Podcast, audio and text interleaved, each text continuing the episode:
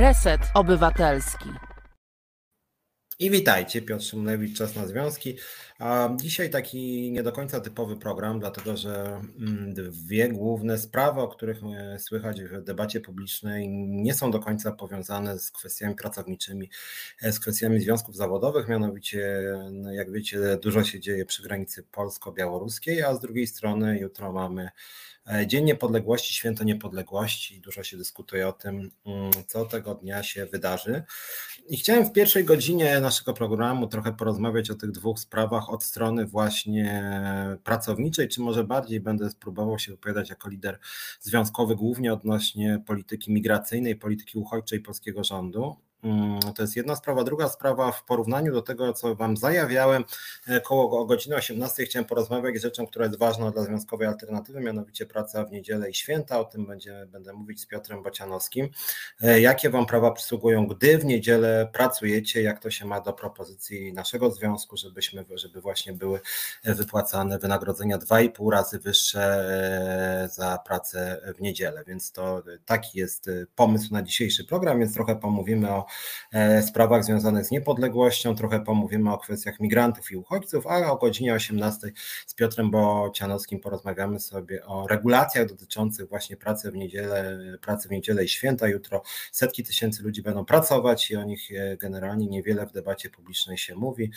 Mm, generalnie rzecz biorąc, Związek Zawodowy Solidarność interesuje się tylko pracownikami dużych marketów, zresztą większość tych marketów już jest w niedzielę otwarta, w część świąt również.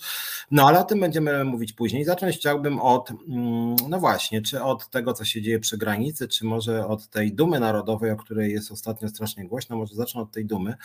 Ja wam muszę powiedzieć, że jest mi trochę, mm, trochę czuję się zniesmaczony od tego słowa użyję. Zniesmaczony się czuję, jak widzę strasznie dużo komentarzy o ludziach, którzy są dumni z polskości, dumni z tego, że są Polakami, są dumni z naszego wspaniałego kraju i są dumni przede wszystkim z siebie, bo to o to ostatecznie chodzi. E, są dumni z tego, jakimi wielkimi są, są patriotami, a ostatecznie dumni są z tego, że sami siebie kochają. Mm, I muszę Wam powiedzieć, że jestem tym zdziwiony. Ja nie wiem, na jakiej podstawie można być dumnym z tego, że się urodziło w danym miejscu. No ja się urodziłem w Warszawie. Dziewięć miesięcy wcześniej, zgodnie z tymi dzisiejszymi kryteriami, to już e, nie liczy się urodzenie, tylko właściwie ten pierwszy, ten akt seksualny, tak, który dziewięć miesięcy później skutkował urodzeniem, więc ten akt seksualny między moimi rodzicami był e, w małej miejscowości pod Warszawą, w Urlach, gdzie wyjeżdżaliśmy często na wakacje czy ja jestem dumny z tego, że właśnie moi rodzice kochali się właśnie w urlach, a dziewięć miesięcy później mm, pojawiłem się na świecie w jednym ze szpitali warszawskich i jestem w związku z tym jakimś lepszym człowiekiem, na przykład niż gdyby to się okazało, że że na przykład w szpitalu brukselskim, albo w Salwadorze, albo w Kamerunie bym się urodził, mam szczerze powiedziawszy duże wątpliwości. To nie jest żadna zasługa nasza, że urodziliśmy się w Polsce, że jesteśmy Polakami, a warto być dumnym z zasług, a nie z takich rzeczy, które tak spadły trochę z kosmosu, więc trochę nie rozumiem tej formuły dumy narodowej. Dumnym można być z tego, co się zrobiło dobrego. Więc ja mogę być na przykład dumny z tego, że pomogłem ludziom w polskich liniach lotniczych LOT wygrać strajk, tak, że im później podniesiono pensję. Mogę być dumny z tego, że udało mi się wywalczyć, że kilka opiekunek dostało mm, płat, płace dodatkowe od agencji, która próbowała ich oszukać. Mogę być dumny z tego, że udało mi się obronić pracownika przed zwolnieniem, albo że na przykład pracownik miał dostać dyscyplinarkę, a dostał 9 pensji. Z takich rzeczy przyznam, jestem dumny. Jestem dumny z tego, mm, jeżeli na przykład jacyś ludzie, których cenię, szanuję, zrobią coś dobrego. E, czy mogę być dumny ze swojego kraju, ewentualnie wtedy, kiedy na przykład e, w imieniu całego kraju władze naszego kraju podejmą jakąś taką decyzję, która jest czymś w moim odczuciu dobrym, pożądanym, co skutkuje na przykład mniejszym cierpieniem. A szczerze powiedziawszy, jak mam w ten sposób podchodzić, to polski, to nie mam z czego być dumnym, bo polski rząd to ostatnio no, nie podejmuje takich działań, których mielibyśmy być dumni. W związku z tym w ogóle tej dumy nie czuję. Wręcz przeciwnie, raczej czuję wstyd. Mm, no właśnie, szaman pisze, że nie jest dumny z kraju, który stał się oficjalnie faszystowski. No ja też nie czuję. Zaraz przejdziemy do tego Marszu Niepodległości. E, w Święcie Niepodległości Anna Gryta pisze, że brakuje mi informacji o Daszyńskim, Moraczewskim i patriotyzm, język, podatki, nie pal śmieciami i tak dalej. To znaczy, ja nie wiem, czy my musimy rekonstruować naszą historię całą, żeby właśnie mm, jakoś się dowartościować, żeby pokazać im, że ta nasza historia jest jakaś szczególna i że tutaj, nie wiem, socjaliści mają swoje gwiazdy, kapitaliści swoje, konserwatyści swoje, narodowcy swoje i teraz będziemy się listować, który ten pomnik jest potężniejszy. Mm, ja myślę, że znacznie taką mm, lepszą, lepszym podejściem do świata, bardziej etycznym jest to, żebyśmy po prostu pomagali bliźnim że tak pojadę Chrystusowo, e, żebyśmy robili wszystko, aby w tym świecie naszym było mniej cierpienia i tak jak mówię, ja mogę być dumny, czy mogę komuś gratulować w momencie, kiedy na przykład jest dużo empatii, solidarności, e, kiedy komuś pomagamy, co na przykład teraz mamy okazję przy granicy polsko-białoruskiej, jakoś tych, tej pomocy za wiele tam nie widzę, szczerze powiedziawszy. Natomiast być dumnym jeszcze z tego, co jacyś nasi dalecy przodkowie robili na przykład 100 lat temu i my teraz tą dumę bierzemy na siebie, na przykład, że Daszyński zrobił coś fajnego, to teraz ja jestem, mam być z tego dumny, albo Piłsudski, no taki dziwny mandat do dumy, że ktoś kiedyś coś zrobił, albo że w 1410 Polska była w jakiejś koalicji, w która wygrała bitwę pod Grunwaldem i my teraz mamy tutaj jakoś, nie wiem, jakieś dziedziczenie dumy. Nie wiem, czy to jest dobry pomysł. Katarzyna Zaręba-Niedźwiecka. Czołem wiele osób bardzo zainteresowało porównanie aktywności zawodowej imigrantów w Niemczech versus kobiet w Polsce, które zasłyszałem w tej audycji. Szukałem różnych statystyk. Jestem ciekawa, na jakich statystykach oparty był komentarz redaktora. To znaczy, są takie dane Eurostatu, mógłbym je sprawdzić. No nie teraz, oczywiście, któregoś dnia, być może do któregoś z kolejnego programu. Eee, no i rzeczywiście jest tak, że zatrudnienie migrantów w Niemczech jest dosyć wysoki wskaźnik, natomiast zatrudnienie kobiet w Polsce jest bardzo niski wskaźnik, co często staram się mówić w tym programie. W Polsce aktywnych zawodowo jest e, e, ponad 16 punktów procentowych więcej mężczyzn niż kobiet, to jest bodaj 60 mniej więcej 5, jeśli dobrze pamiętam, do 40 e, bodaj 7 47% tylko kobiet, w związku z tym rzeczywiście migrantów aktywnych zawodowo w Niemczech jest dużo więcej e, niż kobiet, jak sądzę. Musiałbym sprawdzić te statystyki, ale w ogóle aktywność zawodowa migrantów w Niemczech jest dosyć wysoka i pod tym względem, pod tym względem ta asymilacja migrantów w Niemczech no, jest dużym sukcesem. Tak? E, I natomiast z drugiej strony aktywizacja zawodowa kobiet w Polsce jest taką coraz większą klęską. Tutaj to bardzo nie idzie, a zresztą rząd wcale się nie ogląda specjalnie i nie uważa, żeby to w ogóle było coś ważnego, żeby kobiety miały pracę, kobiety mają siedzieć w domu i zajmować się dziećmi. Taki jest cel obecnej władzy. E, Robsonak pisze, że od razu o tej dumie z bycia Polakiem mogę być dumny z kogoś, z siebie za jakieś czyny czy postawy, ale dla nie, nie rozumiem, czemu miałbym być dumny z bycia Polakiem, przecież nie miałem na to wpływu. No właśnie, to jest taka naiwna konstatacja, ja też, ale słuszna moim zdaniem, ja też jako związkowiec muszę powiedzieć, że w kodeksie pracy mm, jest dużo zapisów o tym, że nie można nikogo dyskryminować ze względu między innymi na pochodzenie, w związku z tym, czy z drugiej strony w konstytucji mówi się, że wszyscy są równi i w kolejnych deklaracjach praw człowieka, no to jest pierwsza deklaracja praw człowieka, że wszyscy jesteśmy równi, niezależnie od e, koloru skóry, pochodzenia, wyznania e, i, i tak dalej, i tak dalej. Tak? W związku z tym nie wiem, z jakiej racji miałbym się uważać za lepszego od innych, z racji tego, że jestem Polakiem, równie dobrze mógłbym uznać się za lepszego z racji tego, że na przykład mam mm, oczy trochę, jedno jest bardziej zielone, drugie bardziej niebieskie, tak szatańsko mam, tak, więc, więc e, nie wiem, czy miałbym być z tego dumny, a ktoś, kto na przykład ma oczy brązowe, miałby być mniej dumny albo odwrotnie dyskusyjne, mówiąc delikatnie, więc y, ja tego nie kumam. Tej dumy, która na dotyk staje się takim, mm, ja bym powiedział, takim szantażem. Trochę oglądałem wczoraj obrady Sejmu i wszyscy o tej dumie mówili, że wszyscy są w ogóle dumni z tej polskości, są dumni z działania polskiego państwa. Nagle nawet opozycja była dumna z tego, co Morawiecki robi przy granicy, co dla mnie coś zupełnie niesamowitego. Nie wiem, z czego oni tam mają być dumni. Szczerze powiedziawszy, ja nawet nie do końca wiem, co obecnie polskie służby robią przy tej granicy, no bo jest zakaz jakichkolwiek przekazów pozarządowych, bo wyrzucili stamtąd dziennikarzy. W związku z tym ja tutaj żadnych powodów do dumy czy gratulacji, szczerze powiedziawszy, nie widzę. Bożena Breczko, no cóż, jeśli ktoś nie ma innych powodów do dumy z siebie, niczego nie osiągnął, to pozostaje duma z bycia Polakiem, jakoś trzeba się dowartościować, a to nic nie kosztuje. No też mam takie smutne pytanie. Tomasz Wojciech pyta, czy to jest polski rząd czy agentura? Trudno mi powiedzieć.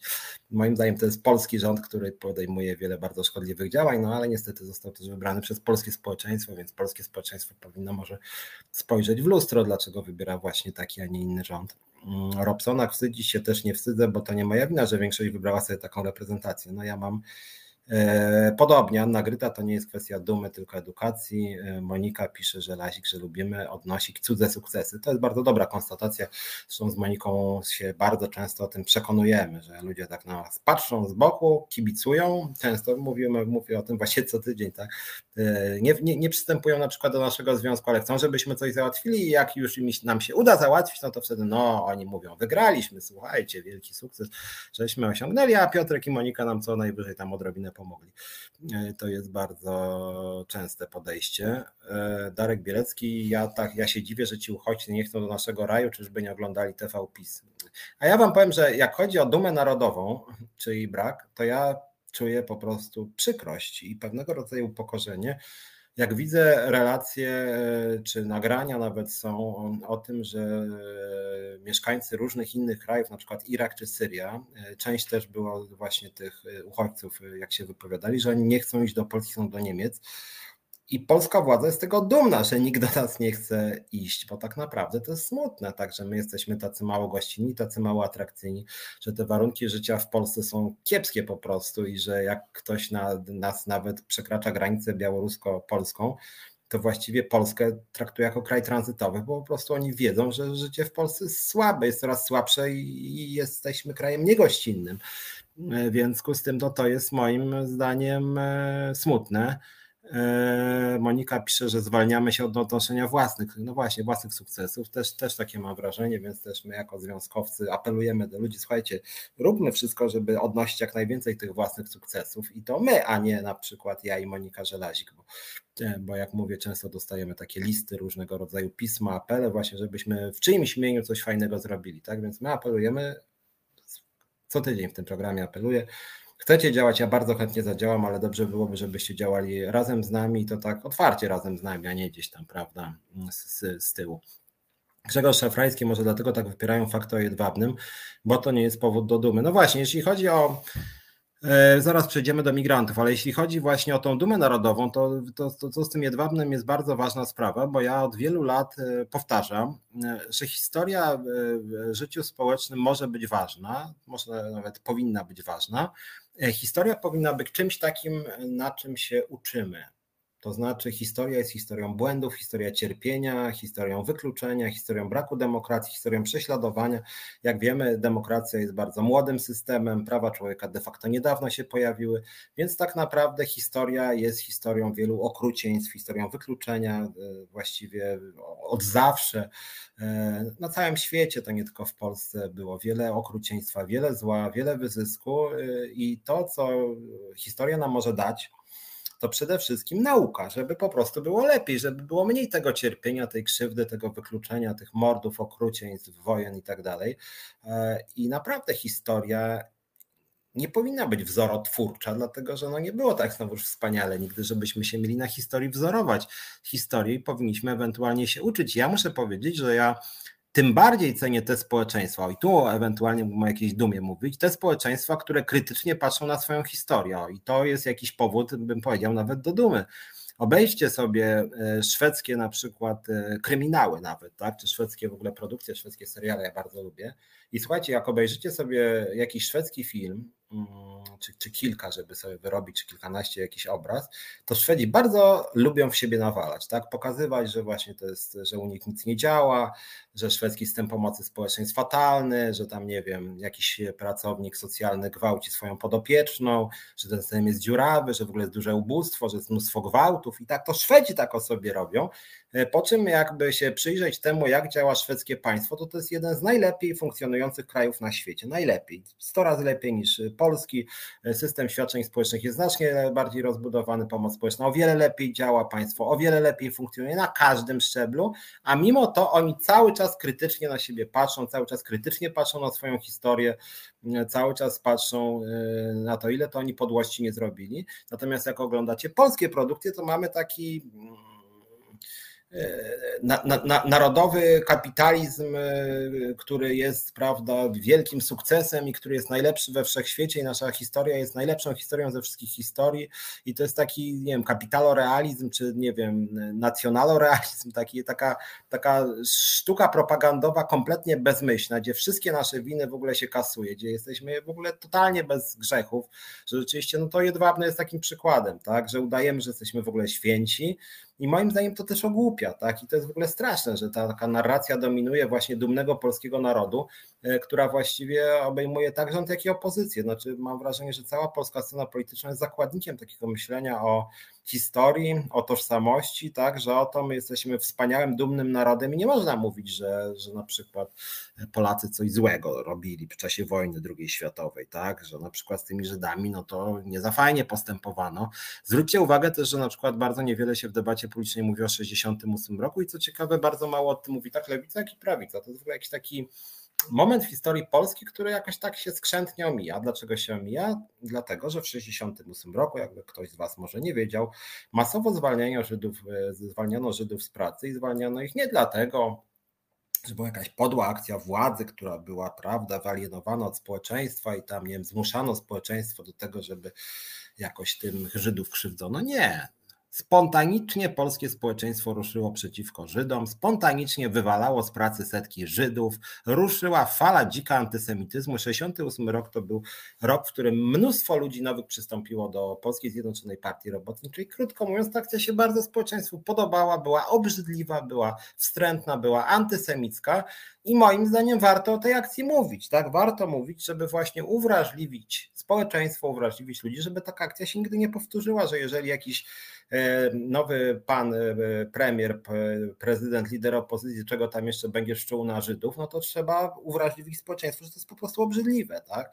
Natomiast mam wrażenie, że właśnie politycy tak rządu, jak i opozycji boją się tego typu akcji uświadamiających, że stracą poparcie, bo przecież społeczeństwu to trzeba schlebiać, trzeba mówić, że nie tylko ty jesteś wspaniały, ale twój ojciec, dziadek, pradziadek był cudowny i nawet jak wyrzucał Żydów z pracy, no to w sumie no bywało, może ci Żydzi też coś tam mieli na przykład na sumieniu i mam wrażenie, że ma, żyjemy w takim kraju takiego schlebiania sobie nawzajem, które bardzo źle wpływa na tożsamość narodową i właśnie jeżeli chodzi o tą dumę wracając, to ja bym był dumny właśnie z tego, gdybyśmy byli społeczeństwem znacznie bardziej samokrytycznym, tak? Że nie wstydzimy, znaczy nie wstydzimy się mówić o tym, że było jedwabne, że na przykład jak chodzi o Czechy, to mieliśmy Zaolzie, e, że antysemityzm w Polsce był masowy przed wojną i później również po wojnie, 68 rok. Dobrym tego przykładem, że mamy mnóstwo niefajnych, e, niefajnych e, jako społeczeństwo, no nie wszyscy, ale jako społeczeństwo, że mamy mnóstwo różnych niefajnych postaw, niefajnych zachowań, że wobec uchodźców to też zaraz do tego przejdziemy, wielokrotnie postępowano w sposób karygodny, obrzydliwy, ksenofobiczny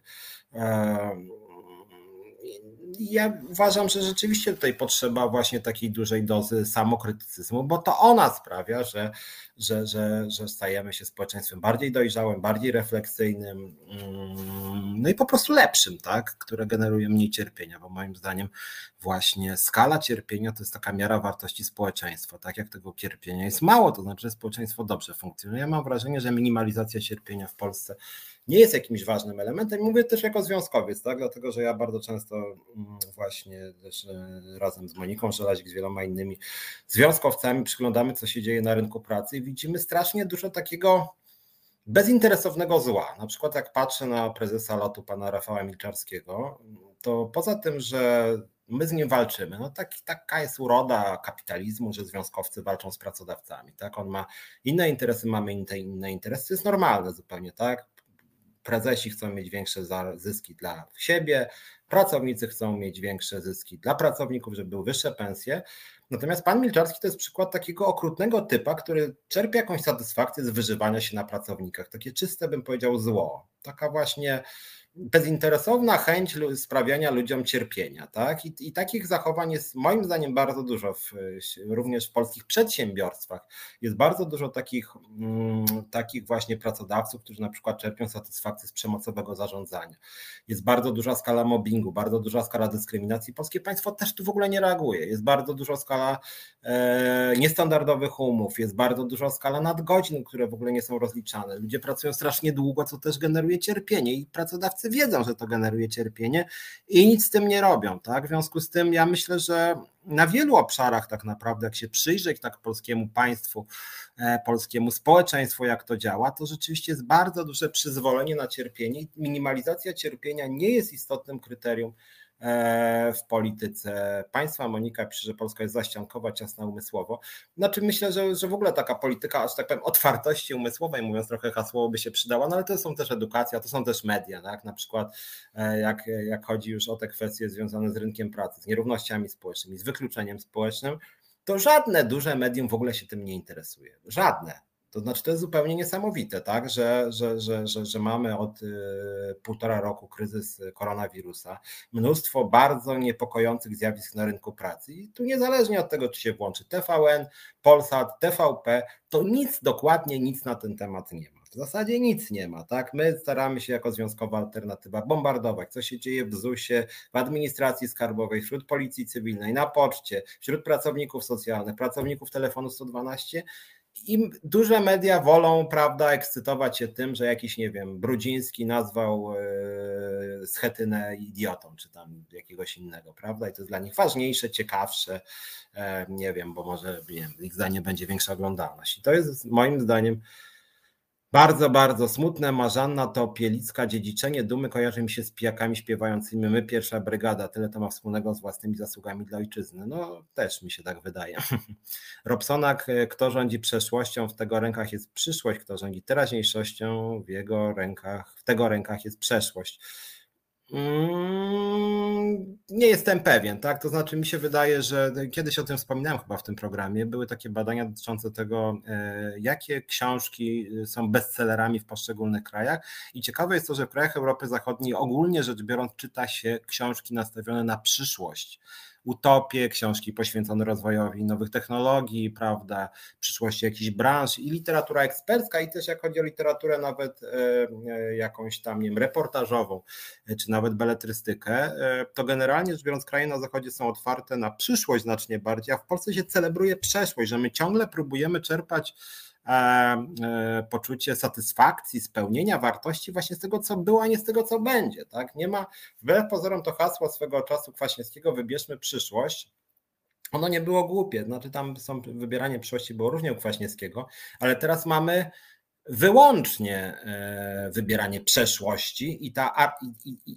i, ta, to archaiczne podejście do polityki jest e, zarazem podstawą teraźniejszości. To jest jakaś taka Y, taka utopia przeszłościowa właśnie, tak? Katarzyna Zaręba-Niedźwiecka pisze, że Szwedzi są dumni z bycia Szwedami. Znaczy być może tak, to tyle tylko, że Szwedzi w przeciwieństwie do Polaków, ja nie chcę idealizować też Szwedów, no jakbym był Szwedem, to pewnie byłbym tak samo krytyczny jak ci jak, jak, jak ci twórcy właśnie książek czy filmów szwedzkich, seriali, tak?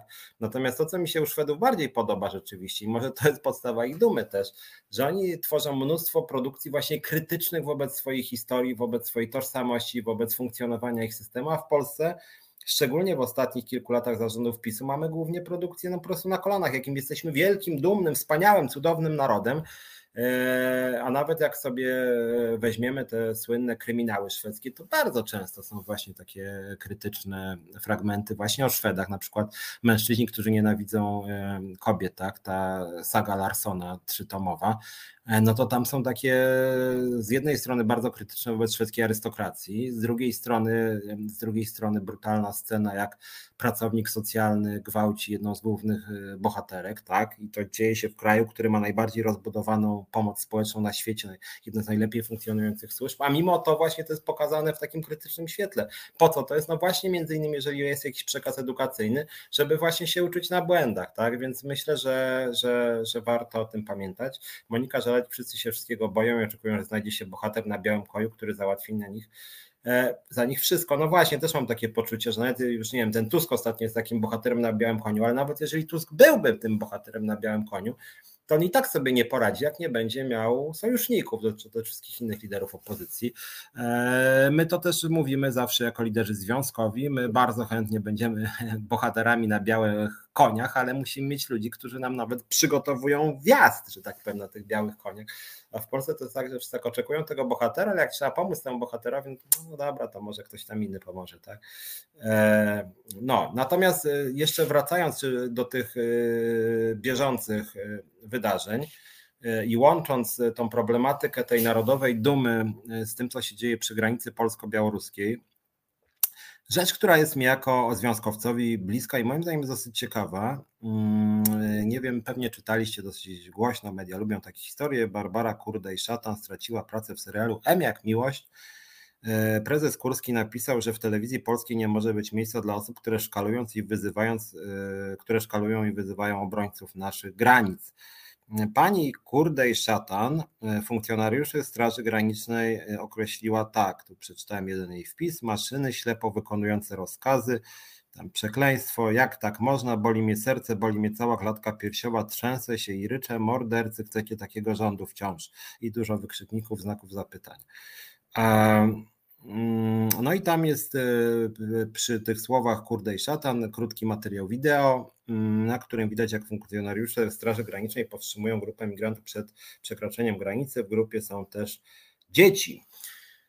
I cóż ja mogę powiedzieć? To znaczy tak, jeżeli mielibyśmy mm, znaczy tak, po pierwsze, z perspektywy praca, pracy, prawa pracy jest dyskusyjne, czy można zwolnić pracownika na podstawie wpisu na Facebooku. Może pamiętacie, dwa tygodnie temu mówiłem, że jest decyzja Urzędu E, ochrony danych osobowych o tym, że pracodawca nie ma prawa zwalniać pracownika czy wykorzystywać danych, e, e, które są na, w mediach społecznościowych. Dotyczyła sprawa jednej ze stewardess, która, która pisała między innymi o strajku na w mediach społecznościowych.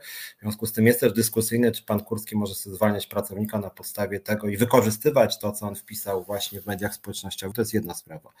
Druga sprawa to jest pytanie o to, czy jako obywatele mamy mamy prawo krytykować funkcjonariuszy Straży Granicznej, czy nie, i dlaczego mamy wszyscy się nimi zachwycać.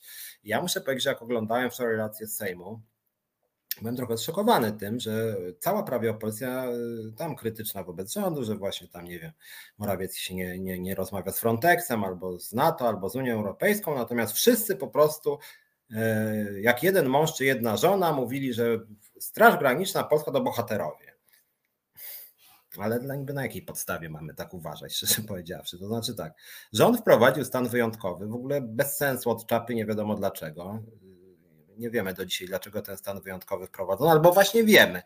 Właśnie dlatego, że e, nie znamy odpowiedzi na różne pytania i wszystkie materiały, które, które płyną z granicy, to czy 90% to są materiały na oko TVP. To znaczy służby same nagrywają sobie materiały. I co się tam dzieje? Kompletnie nie wiadomo. Wiemy, że już kilka osób zmarło również po stronie polskiej wśród uchodźców. Rzecz przerażająca po prostu. Zmarło, po prostu zmarło kilka osób na terenie Polski. Nie jest to wyjaśnione, tak naprawdę powinny być śledztwa prokuratury, czy ktoś ich nie zabił, czy ktoś ich nie skrzywdził. Nie wiemy tego po prostu. Była informacja o tym, e, że medycy, którzy chcieli pomagać e, właśnie migrantom, uchodźcom, e, przebito im opony i, i, i wśród nich y, właśnie przy przebijaniu tych opon pojawił się jakiś wóz, e, który miał rejestrację polskiego wojska. Prawda, nieprawda? Nie wiemy, nie ma tam dziennikarzy, nie ma jakiegoś innego źródła informacji niż same polskie wojsko de facto, tak? E, polskie służby e, i media im posłuszne. Czy ja mam gratulować właśnie tym z tej Straży Granicznej? Nie wiem. Nie wiem, po prostu nie wiem. Jako osoba krytyczna, jako osoba w tym wypadku nawet nie jako związkowiec, tylko dziennikarz, zadaję pytania i szczerze powiedziawszy to, że wyrzucono stamtąd dziennikarzy i nie chce się dopuścić obserwatorów zagranicznych, czyli właśnie nie chce się Frontexu, nie chce się Komisji Europejskiej, budzi to moje bardzo poważne wątpliwości. Nie ufam. Nie, nie mam podstaw, żeby wierzyć tego, temu rządowi. Pan premier bez przerwy kłamie, w sposób histeryczny kłamie i tutaj być może ci Straż Graniczna Polska robi coś bardzo złego tam uchodźcom. Nie wiem, ja po prostu nie wiem. Nie wierzę władzy i nie wiem, dlaczego mam wierzyć w te nagrania, czy może inaczej są nagrania, ale być może są też inne nagrania, czy powinny być inne nagrania, które by pokazywały inne aspekty sprawy. W związku z tym, no tutaj nie mam zaufania, nie wiem, dlaczego mamy się zachwycać Strażą Graniczną, tym bardziej, że ochrona granicy jest ich obowiązkiem. Natomiast przedstawianie um, uchodźców jako jakiejś, nie wiem, jakiejś dziczy, która chce niczym jakieś, nie wiem, jakieś orki czy jakieś dzikie bestie przekroczyć polską granicę, jest moim zdaniem haniebne po prostu. Nie mamy do czynienia z wojną przy granicy polsko-białoruskiej, tylko mamy do czynienia być może ze z podkręcanym przez Łukaszenkę czy Putina, czy ich obydwu e, jakichś intensywnych próbach przekroczenia granicy przez kilka tysięcy osób, ale to nie jest wojna. To jest po prostu próba przekroczenia granicy, próba przekroczenia granicy przez 3-4 tysiące osób. Ja przypomnę, że w czasie kryzysu uchodźczego przez, e, jeśli dobrze pamiętam, e, Liban e, przeszło półtora miliona osób. Liban jest dużo od nas biedniejszy, jest dużo od nas mniejszy. Jordania 600 tysięcy, Turcja 2 miliony. No i cóż, i teraz tak, my mówimy o jakiejś wojnie, o jakiejś, nie wiem, tutaj dramatycznej sytuacji, bo chce przekroczyć polską granicę tysiąc czy dwa tysiące osób, czy nawet trzy. No, śmiem mieć wątpliwości, czy tu można mówić o jakiejś wojnie, czy o czymś, nie wiem, jakimś, prawda, że tutaj od razu stan, już się mówi, już Telewizja Republika zrobiła sondę, czy nie powinniśmy prowadzić stanu wyjątkowego na terenie całego kraju, tak, żeby w ogóle media już nigdzie nie miały dostępu, nawet, nawet w Warszawie, nie wiem, w jakim sensie Warszawa jest zagrożona i, i dlaczego miałaby w Warszawie być stan wyjątkowy to ja kompletnie już nie wiem, czy w Gdańsku. Więc już takie bardzo dziwne są pomysły i mam wrażenie, że władza chce bezczelnie wykorzystać tą sytuację, korzystając właśnie z stanu wyjątkowego z niewiedzy społeczeństwa i nas bombarduje tymi przekazami e, polskich służb. Natomiast jeszcze jedna uwaga odnośnie tej wypowiedzi pani Kurdej Szatan. Ja sobie przypominam, jak, jak haniebnymi, wstrętnymi słowami telewizja pana Kurskiego wypowiadała się na temat lekarzy e, czy na temat e, nauczycieli i Cóż, no, jeżeli miałbym iść w tym kierunku, co pan Jacek Kurski, to pan Jacek Kurski za swoje wypowiedzi, z pewnością jakoś autoryzowane przez zarząd firmy, pan Jacek Kurski powinien wylecieć za to, co, co, co się mówiło o lekarzach, o pielęgniarkach, o nauczycielach, ja sobie też wyobrażam, co by się mówiło o pracownikach ZUS-u, jak my byśmy, jakby się nam udała akcja strajkowa, tak na marginesie 15-16 listopada, akcja oddawania krwi e, i brania urlopu w Zakładzie Ubezpieczeń Społecznych. Jeżeli oglądają nas pracownicy ZUS-u, bardzo zachęcam. Wiem, że pracownicy są przemęczeni, więc z tym te dwa dni wolnego im się po prostu e, należą. Tak, natomiast wracając do tej sprawy tej właśnie pani e, Kurdej Szatan, telewizja polska wielokrotnie obrażała różne grupy społeczne i jakoś nie widziałem, żeby była jakaś reakcja władzy, tak? Prokuratura nagle uruchomiła postępowanie wobec pani Kurdej Szatan w momencie, kiedy telewizja Kurskiego obrażała nauczycieli czy pielęgniarki, to ja nie widziałem podobnej reakcji, żeby prokuratura reagowała, albo kiedy szkalowano różne grupy protestujące przeciwko obecnemu rządowi, to też jakoś nie słyszałem, żeby prokuratura wkraczała. Nic takiego się nie działo. Mm, słuchajcie, może byśmy zrobili krótką przerwę, tak co pół godziny będziemy sobie robić, więc e, zrobimy teraz krótką przerwę, koło godziny 18.05 pogadam z Piotrem Bocianowskim o pracy w niedzielę, a teraz po tej przerwie chciałem z Wami porozmawiać o migrantach. Kilka słów od strony takiej społeczno-gospodarczej i o tym, czy to rzeczywiście ma sens, żebyśmy prowadzili taką restrykcyjną politykę niewpuszczania migrantów i uchodźców. Chciałbym tutaj nadmienić, że jak chodzi o uchodźców, Polska od lat przyjmuje najmniej uchodźców z całej Unii Europejskiej, w zasadzie w ogóle ich nie przyjmuje i również nie pomaga na miejscu, w ogóle nie pomagamy nikomu tak naprawdę. Pomoc zagraniczna Polski dla krajów biednych należy do najmniejszych e, ze wszystkich krajów rozwiniętych. Taka jest smutna prawda. No dobra, słuchajcie, zróbmy krótką przerwę i za chwileczkę się widzimy.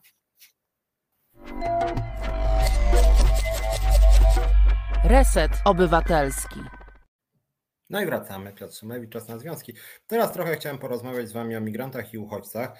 Ja muszę Wam powiedzieć, że jako związkowiec y, jest mi strasznie, strasznie smutno, jak słyszę różne ksenofobiczne głosy. Nie rozumiem, jak Związek Zawodowy Solidarność może przyjmować takie nacjonalistyczne podejście. Byłem zszokowany tym, że ostatnio OPZZ razem z panem Kowalskim i panem Ziobrą demonstrowali pod Komisją Europejską, dogadywali się przeciwko Komisji Europejskiej i przeciwko Czechom, tak, którzy prawda, robią nam taką straszną krzywdę prawda, w Turowie, a my to w ogóle nie mamy żadnych obowiązków wobec Czechów. Więc ja Wam muszę powiedzieć, że jako związkowiec uważam, że wszyscy po prostu jesteśmy sobie równi jako ludzie i to różnicowanie mm, Polaków, migrantów czy uchodźców, że jedni są lepsi, drudzy gorsi, jest y, sprzeczne z prawami człowieka, jest sprzeczne z polskim kodeksem pracy, jest sprzeczne z regulacjami międzynarodowymi, które Polska przyjęła i jest też po prostu dla Polski szkodliwe. Mm, prawda jest taka, że obecnie w Unii Europejskiej najwięcej imigrantów zarobkowych to są Polacy i to wyraźnie najwięcej to są Polacy, więc jeżeli ktoś mówi, że uwaga, uwaga, tutaj jacyś migranci zarobkowi do Polski chcą przyjechać, no to warto pamiętać, że to może być broń obosieczna, dlatego że Polska, y, by użyć tej retoryki nacjonalistycznej, zalała kraje zachodnie swoimi ludźmi, prawda? Można uznać, że Polacy są na przykład zagrożeniem kulturowym dla Niemiec czy Wielkiej Brytanii, bo są katolikami, a na przykład w Wielkiej Brytanii nie dominuje katolicyzm. Gdyby tą logikę stosować, to Brytyjczycy mogliby nie życzyć sobie na przykład Polaków. Mm, E, więc to jest dla mnie zdumiewające, że, że, w Polsce dominuje taka retoryka, która w dużej mierze mogłaby uderzyć w Polaków właśnie, tak? E, jest cały czas grubo ponad 2 miliony polskich migrantów w Unii Europejskiej. E, ci Polacy oczekują słusznie moim zdaniem, żeby ich traktować na równi z obywatelami tych krajów, w których no, gdzie, gdzie oni mieszkają, tak? No, a tymczasem Polacy uważają, że mają prawo do dyskryminowania na przykład migrantów zarobkowych, czy ich nie wpuszczenia, a sami chcą jeździć, tak? I uważają się za jakichś obywateli lepszego sortu, że prawda, Niemcy, Brytyjczycy czy Szwedzi to powinni być zachwyceni tym, że Polacy idą do nich pracować, a jak na przykład e, właśnie Syryjczycy, Irakijczycy czy Ukraińcy chcą pracować w Polsce, no to jest takie, no nie, bez przesady, prawda, tutaj my jesteśmy dumnym polskim narodem. E, moim zdaniem to jest podejście nie tylko głęboko nieetyczne, ale również szkodliwe e, gospodarczo i prowadzące do dyskryminacji, dlatego że jeżeli inne kraje będą przyjmować tą polską logikę, to po prostu będą dyskryminować polskich pracowników, co będzie dla nich bardzo szkodliwe. Ja muszę też powiedzieć, że jestem zdumiony tym, kiedyś o tym wspominałem i niestety to się nie zmienia, że ten dumny polski rząd, to jest niesamowite zupełnie, ten dumny polski rząd pisowski od lat walczy o to, by polscy pracownicy w krajach zachodnich mogli być dyskryminowani. My jako Związkowa Alternatywa mamy e, w swoich szeregach na przykład opiekunki, które pracują w Niemczech, w Austrii czy we Włoszech. E, I polski rząd od lat walczy, żeby te polskie opiekunki mogły być dyskryminowane, żeby one mogły być zatrudniane na polskich warunkach, a nie niemieckich w Niemczech, tak? I to jest cały nasz spór z ministerstwem. My mówimy, słuchajcie, zróbcie coś, drogi polski rządzie, jak jesteście dumnym polskim rządem, to zróbcie coś, żeby polskie opiekunki nie były dyskryminowane w Niemczech i żeby były dokładnie tak samo traktowane jak niemieckie opiekunki. Popierają nas niemieckie związki zawodowe, popierają nas niemieckie organizacje. E, rząd niemiecki jest pęknięty, a polski rząd jest przeciwko. Polski rząd od lat jest przeciwko temu, żeby polscy pracownicy byli traktowani tak samo jak niemieccy czy francuscy. I uwaga, uwaga, polski rząd walczy o to, by polscy pracownicy zatrudnieni w polskich firmach, ale pracujący e, na terenie Niemiec czy Francji mogli być dyskryminowani. Jak ja widzę coś takiego, to ja już przyznam, że tego nie rozumiem. To gdzie jest ta nasza polska duma? To taka ta polska, w ramach tej polskiej dumy polskie władze biją się o to, żebyśmy mogli być dyskryminowani w innych krajach, coś szokującego zupełnie i muszę powiedzieć, że tego e, totalnie nie rozumiem. E, dawałem jeszcze dane dotyczące tego, że e, w, tych, w tym okresie, szczególnie tego tak zwanego kryzysu migracyjnego, wtedy rzeczywiście tych migrantów w związku z wojną na terenie Syrii czy Iraku było dużo, dużo więcej i wtedy Polska była przez dłuższy czas na ostatnim miejscu, jak chodzi o przyjmowanie jakichkolwiek uchodźców. Eee, w, na przykład w 2015 roku, tak sobie zapisałem, w Unii Europejskiej rozpatrzono 600 tysięcy wniosków o status uchodźcy, z czego w Polsce 3,5 tysiąca. 3,5 tysiąca eee, było to najmniej. W, w, pierwszej instancji w Unii Europejskiej rozpatrzono pozytywnie 52% wniosków, eee, czyli 333 tysiące w Polsce. 18%, najniższy procent. Więcej niż uchodźców, więcej niż Polska uchodźców przyjęły innymi Malta, Cypr, kraje, które są naprawdę malusieńkie, mniej mieszka tam mieszkańców niż w Warszawie. No i to jest chyba ta nasza solidarność. Mieliśmy wtedy też taką formułę pomagania na miejscu. Znaczy w ogóle nikt nie wiedział o co chodzi z tym pomaganiem na miejscu, jak chodzi o tereny objęte wojną, no bo co my mielibyśmy tam zrobić niby. Ale nawet jeżeli już się trzymać tej formy, uwaga, uwaga, byliśmy jednym z krajów, które najmniej pomagają na miejscu.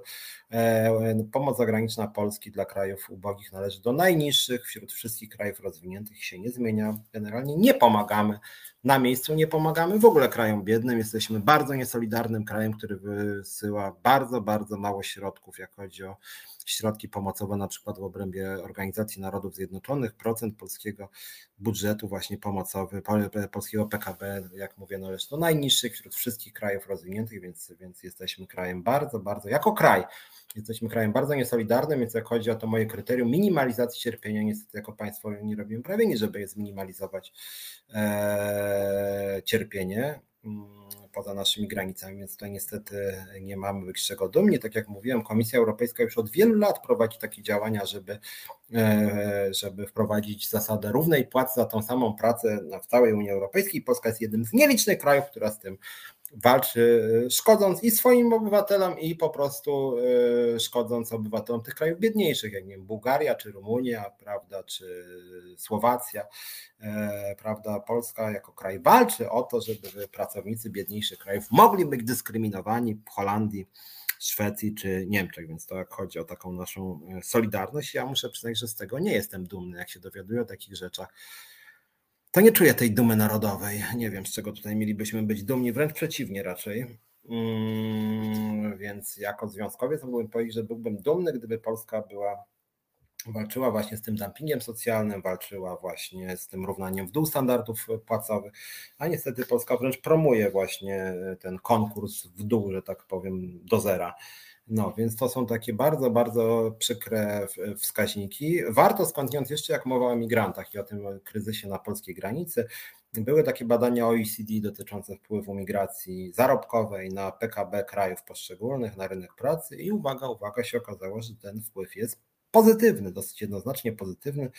E, tutaj wracając do tego przykładu, który jedno z Was przytoczyło odnośnie niemieckiego rynku pracy, o bardzo wysokim wskaźniku aktywności zawodowej migrantów w Niemczech, również tych ludzi, którzy pierwotnie przyjechali jako uchodźcy, również bardzo dobrze, wbrew temu, co różne bzdury pojawiają się w prawicowej prasie, bardzo dobrze e, wygląda integracja społeczna, ci ludzie znajdują pracę, ci ludzie budują niemieckie PKB, dzięki temu między innymi Niemcy mają e, znacznie więcej lekarzy niż Polacy na 100 tysięcy mieszkańców, bardzo często ci lekarze pochodzą na przykład z Syrii albo z Iraku, no a w Polsce właśnie mamy to, co mamy, czyli dumny polski naród nikogo nie przyjmie, a później ma tragiczną sytuację na przykład w ochronie zdrowia, prawda, i w ogóle bardzo niski wskaźnik, niską jakość usług publicznych. No i właśnie na tym ta nasza duma narodowa polega. Ja szczerze, jeżeli tak ma wyglądać narodowa duma, to ja wolę nie być dumny, tylko po prostu przyjmować ludzi z innych krajów i na przykład mieć więcej lekarzy, więcej pielęgniarek, e, więcej pracowników socjalnych, więcej ludzi, którzy po prostu troszczą się o życie moje i moich bliźnich, tak? moich rodaków i rodaczek. Więc tutaj nie rozumiem tego podejścia dużej części społeczeństwa. Dobra, wrócę do Waszych wpisów, bo jestem jakoś strasznie głęboko w tyle. Tutaj przepraszam, tutaj czytam wszystkie Wasze e, wpisy. Darek Pióro e, pisze, że dobrze powiedział Kalisz niedawno, że uchodźców trzeba przyjąć, umieścić w przejściowych obozach i zweryfikować, kogoś trzeba odesłać do kraju pochodzenia, reszta może zostać, ja też tak uważam. No, znaczy ja nie wiem, ja nie jestem ekspertem, chociaż trochę czytałem i zawsze przed każdą audycją czytam odnośnie tematu, którym się zajmuję. E, mowa jest o 3-4 tysiącach maksimum e, migrantów, uchodźców w okolicach właśnie polskiej granicy z Białorusią. Ja muszę przyznać, że jesteśmy społeczeństwem 38-milionowym ponoć mm, i czy to naprawdę jest taki wielki dramat e, po prostu przyjąć w punkcie granicznym 4000 osób, e, sprawdzić ich dokumenty, e, zweryfikować ich, uruchomić stosowne procedury godne, zgodne z prawem międzynarodowym przyjąć ich albo nie przyjąć zgodnie z prawem międzynarodowym, jak mówię. No, jeżeli ja czytam, że Liban, półtora miliona w ciągu roku przez mały, biedny Liban się przytoczyło, a my nie potrafimy przyjąć, nawet chwilowo przyjąć 4 tysięcy ludzi, to my jesteśmy za kraj swoją drogą, jak fatalnie zorganizowany, tak? I później słyszę, że teraz 4 tysiące, a później pół miliona. Znaczy na jakiej w ogóle to jest podstawie budowane? Znaczy być może są jakieś podstawy, to ja się chętnie ich dowiem. ja mam wrażenie, że to są jakieś takie szantaże, które wszyscy, prawda, powielają, a tak naprawdę nie ma pełnych informacji. Natomiast moje pytanie jest rzeczywiście takie, dlaczego my stawiamy jakieś mury? Dlaczego powstaje, nie wiem, mobilizujemy jakieś dziesiątki tysięcy wojska, Mm, w sytuacji, kiedy mowa o trzech tysiącach ludzi, którzy chcą w ogóle pojechać do Niemiec, a nie do Polski. Więc o co w ogóle chodzi? Skąd ten stan wyjątkowy? Dlaczego mamy czuć się spanikowani? Dlaczego niektórzy już nawet mówią o wojnie? Co to ma w ogóle z wojną wspólnego, że 3000 ludzi pokojowo nastawionych chce przekroczyć granicę białorusko-polską warto też się spytać, ile ludzi wcześniej próbowało przejść granicę, a, teraz, a ile teraz? Ile, jak, jak, jak ten procent zmienił? Dlatego, że że e, również miesięcznie wiele osób dotychczas przekraczało również granicę niemiecko-polską, tych ludzi, którzy najpierw chcieli przekroczyć białorusko-polską czy ukraińsko-polską, tylko po to, żeby iść dalej do Niemiec. Tak? I czego my się tutaj niby mamy bać? Tak? E, ja nie mówię, że tutaj Łukaszenka jest w porządku, bo on pogrywa tymi, prawdopodobnie pogrywa, bo też nie mam pełnej wiedzy tymi właśnie uchodźcami. Ale z tego, co ostatnio czytałem, to duża część tych ludzi rzeczywiście przyjeżdża z regionów, gdzie jest niebezpiecznie, regionów najbiedniejszych albo objętych konfliktami zbrojnymi. W związku z tym to są uchodźcy, jeżeli tak. Łukaszenka nie chce za nich wziąć odpowiedzialności, tak. To na pewno tak. Natomiast czy to znaczy, że my mamy teraz być równie niehumanitarni jak on? I, I, właśnie przede wszystkim to, dlaczego my mamy jakiś dramatyczny problem z trzema czy czterema tysiącami ludzi? No, nie ma odpowiedzi na te pytania. Przyznam szczerze, że znaczy, chciałem się tego dowiedzieć, bo polskie państwo teraz, nie wiem, pręży muskuły, mówi o jakichś służbach, że tutaj już żołnierzy kilkanaście tysięcy z karabinami. Nie wiem, czy to jest adekwatna reakcja. Jakby nie przekonano mnie do tego i władza nic nie robi, żeby mnie przekonać, poza tym, że wyrzuciła wszystkich dziennikarzy stamtąd i nie chce wpuścić nawet obserwatorów międzynarodowych, więc no, na oko ma coś do ukrycia, tak jak właśnie Darek pisze, że, że, że, że, że, po prostu może umieścić, zbadać, sprawdzić, kto to jest i przyjąć albo nie przyjąć zgodnie z prawem międzynarodowym, tak? Więc tego przyznam szczerze, nie rozumiem. Bea, Becia Beata, witam u nas od 3 do 6 miesięcy. Migrant dostaje naukę języka, propozycję pracy. W większości pracują, że my między migrantami nie mamy z tym problemu, ale właśnie czy to jest, czy to jest mówisz o Polsce? No bo z tymi, e, z tą nauką języka chyba w Polsce jest średnio, w innych krajach Unii Europejskiej rzeczywiście ta integracja wygląda wiele lepiej. E, Tomasz Wojciech, Panie Piotrze, kto uznał jutrzejszy marsz do rangi państwowej, premier i prezydent nie wystąpią, przynajmniej tak zadeklarowali, czy w takim razie wstydzą się iść obok na zieli, którym przewodzi prowadzi Bąkiewicz. Czy dla mnie to jest w ogóle jakaś dziwne sztuczki prawne po to, żeby tylko ci narodowcy, prawda, musieli przejść jakiś taki rzeczywiście, że polskie państwo pisowskie, przy nawet całym moim braku szacunku dla PiSu, że oni dali się po prostu zaszantażować jakiemuś Bąkiewiczowi, jakiemuś takiemu chuliganowi nacjonalistycznemu. To jest dla mnie niesamowite po prostu, że oni są jego zakładnikami i kompromitujące po prostu. No to jest głęboko niesmaczne, bym powiedział tak, że po prostu polskie państwo w ogóle dało mu z 5 milionów złotych, tak? I jeszcze teraz Ziobro kilka dni temu powiedział, że wręcz zachęcał do nieposłuszeństwa obywatelskiego, żeby pan Bąkiewicz sobie jednak przeszedł, po czym wymyślili, że mu dadzą jednak legalnie, żeby sobie przyszedł Bąkiewicz, który w poprzednich latach no, używał, no co tu dużo mówić, używał faszystowskich emblematów, padało mnóstwo faszystowskich haseł nacjonalistycznych, ksenofobicznych. Teraz w ogóle teraz oni porównują na swoim zaproszeniu Trzaskowskiego do faszystów. No przepraszam, to jest w ogóle jakiś absurd. No. Więc no zupełnie szokujące i muszę powiedzieć, że jak widzę, że polska władza firmuje tego typu marsz jak Marsz Niepodległości, no to czuję wiele wstydu rzeczywiście.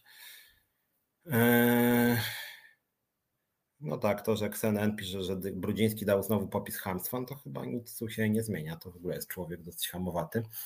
Mm, historia niczego nas nie uczy, Barbara pisze, bo jest nieustannie zakłamywana. No ale to jest takie kręcenie się w kółko właśnie, dlatego e, nas niczego nie uczy, bo nie chodzi o to, żeby nas czegokolwiek uczyła, bo chodzi o to zgodnie z dyrektywą, z wizją szkolnictwa pana Czarnka, żeby właśnie ta historia była czyściutka, żeby pokazywać młodym ludziom, że w ogóle jesteśmy totalnie niewinni, naród wybrany, tak? E, no smutne strasznie. Bożena Breczko, krytyczne patrzenie na siebie to świadomość własnych braków i dążenie do ich naprawy, to ciągły pęd w górę, samo zadowolenie to stagnacja. No właśnie, też mi się tak wydaje. To znaczy, jak ja bronię e, samokrytyki, to nie chodzi mi o to, żebyśmy tutaj, prawda, walili sami w siebie jakoś tak masochistycznie, tylko moim zdaniem to jest to po prostu służy rozwojowi. Stajemy się w ten sposób lepszym społeczeństwem, lepszym państwem. Dzięki temu różne procedury mogą lepiej działać. Możemy e, sprawiać, że instytucje będą lepiej funkcjonować, że polskie państwo po prostu będzie będzie lepsze dla obywateli, więc, więc ten brak samokrytycyzmu jest po prostu dysfunkcjonalny. Tak? Już nie mówię o tym, że zdolność do krytycznego myślenia jest właściwie istotą człowieczeństwa w gruncie rzeczy. No, krytyczne myślenie to chyba o to chodzi. Jesteśmy ludźmi i potrafimy krytycznie na siebie patrzeć. Nauczymy się na błędach. To o to między innymi chyba chodzi w byciu człowiekiem. Tak zawsze mi się wydawało, chociaż jak patrzę na pisowski rząd, no to w tym sensie on jest nie do końca ludzki, tak? W tym właśnie, że demonstracyjnie nie chce się uczyć na błędach i wręcz z tych błędów czynić cnotę. Korra, Korwo, polscy politycy dają obywatelom poznać na własnej skórze, jak to było 100 lat temu, to jest dopiero lekcja historii. No tak, a 100 lat, tylko że 100 lat temu było dość strasznie, w związku z tym no ja bym nie chciał, żebyśmy mieli powtórkę z drugiej e, e, RP, gdzie były getta ławkowe, antysemityzm, w ogóle demokracji nie było, przede wszystkim był zamach stanu bardzo wcześnie, o tym się też bardzo niewiele mówi, że ten Piłsudski to tam z demokracją nie miał za wiele wspólnego, mm, że między innymi krwawo rozpędzano protesty pracownicze, zresztą już do tego niedaleko sądząc po tym, jak się w Polsce traktuje krytyczne związki zawodowe, no ale generalnie to, że coraz częściej władza się wzoruje na drugiej RP właściwie jest bardzo niepokojące, bo ta druga RP to nie była zbyt przyjazna dla e, obywateli.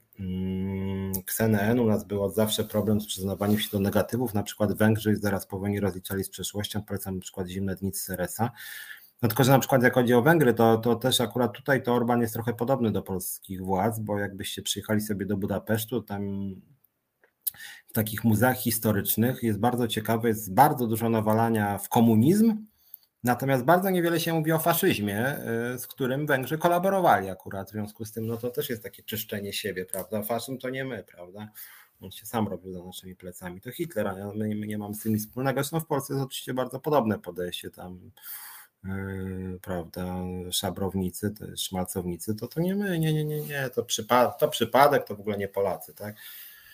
Mm, Marzanna Topielicka, jesteśmy nie tylko niegościnny dla innych, coraz częściej czytam kolejne podsumowania kolejnych mądrych ludzi, szlifujcie kompetencje, uczcie się języków i uciekajcie z tego kraju, tu nigdy nie będzie dobrze, niestety nie każdy może uciec, za psiem obowiązkiem rządzących powinno być zapewnienie dobrostanu Polek i Polaków, a nie szczucie na kolejne grupy obywateli, się nie, nienawiści i lęku. Jeśli argument ekonomiczny schodzi na dalszy plan, a już nie młodzi ludzie zastanawiają się nie tyle nad. Znaczy, ja bym powiedział tak, no generalnie można powiedzieć, że ja też staram się być, jakby nie było, jestem, można powiedzieć, patriotą, że razem z, z Moniką Żelazik, z wieloma innymi naszymi działaczami, działaczkami działamy na rzecz dobra pracowników, pomimo bardzo wrogiego otoczenia, no to można powiedzieć, że właśnie jesteśmy patriotami, tak, że dbamy o ten kraj, chociaż właściwie wszystko z nim fatalnie ostatnio funkcjonuje i te szczególnie spółki Skarbu Państwa, w których działamy, no to wygląda to dosyć strasznie, więc może przerwę ten temat teraz e, migrancki i Wam powiem jedną rzecz, e, newsa z e, polskich linii lotniczych LOT. Mm, portal Pasażer.com przedstawił roczne zarobki zarządu i Rady Nadzorczej właśnie polskich linii lotniczych LOT, w tym naszego pana wspaniałego prezesa Rafała Milczarskiego. Z informacji przekazanych właśnie przez pasażera.com wynika, że w ubiegłym roku pięcioosobowy zarząd spółki zarobił 3 miliony 200 tysięcy złotych, wychodzi ponad 53 tysiące na osobę. Mm, rok wcześniej koszty zarządu wynosiły 4,14 miliona, dwa lata wcześniej 2,97. Mm, ważne jeszcze w tym kontekście jest to, żeby Wam się nie wydawało, że te 3 miliony 200 tysięcy to, to wszystko, bo to nie jest wszystko, ponieważ e, polskie linie lotnicze LOT są częścią czegoś, co się nazywa Polska Grupa Lotnicza i w tej polskiej grupie lotniczej trzech ludzi e, z trzyosobowego zarządu, e, dwie osoby się dublują, że tak powiem. To są te same osoby, które są w zarządzie lotu i również prezes jest ten sam, pan Milczarski jest prezesem lotu i zarazem prezesem grupy lotniczej.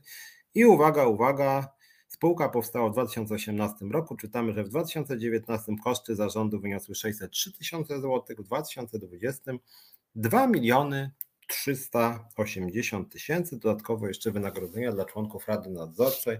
W roku 2020, tym kryzysowym, 908 tysięcy, e, w locie 723 tysiące w PGL i jak sobie podsumujemy, to się okaże, że w 2020 roku koronawirus, epidemia, e, wiadomo, fatalna zdaniem samego lotu kondycja spółki, tymczasem koszty zarządów i rad nadzorczych w locie i w PGL wyniosły 7 milionów 210 tysięcy złotych były wyższe niż rok wcześniej o milion 100 tysięcy złotych. No właśnie, w tym samym czasie powtórzę Wam raz jeszcze historię, którą Wam kilka razy przedstawiałem. W tym czasie LOT uruchomił zwolnienia grupowe, jak chodzi o pracowników etatowych firmy. Mm, e, następnie obniżono e, pensję stewardess o połowę, co sprawiło, że duża część stewardess zarabiała poniżej płacy minimalnej.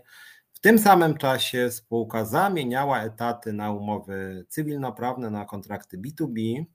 Następnie z kontraktów B2B z polskimi stewardessami zaczęto przechodzić na kontrakty B2B z węgierskimi pracownikami.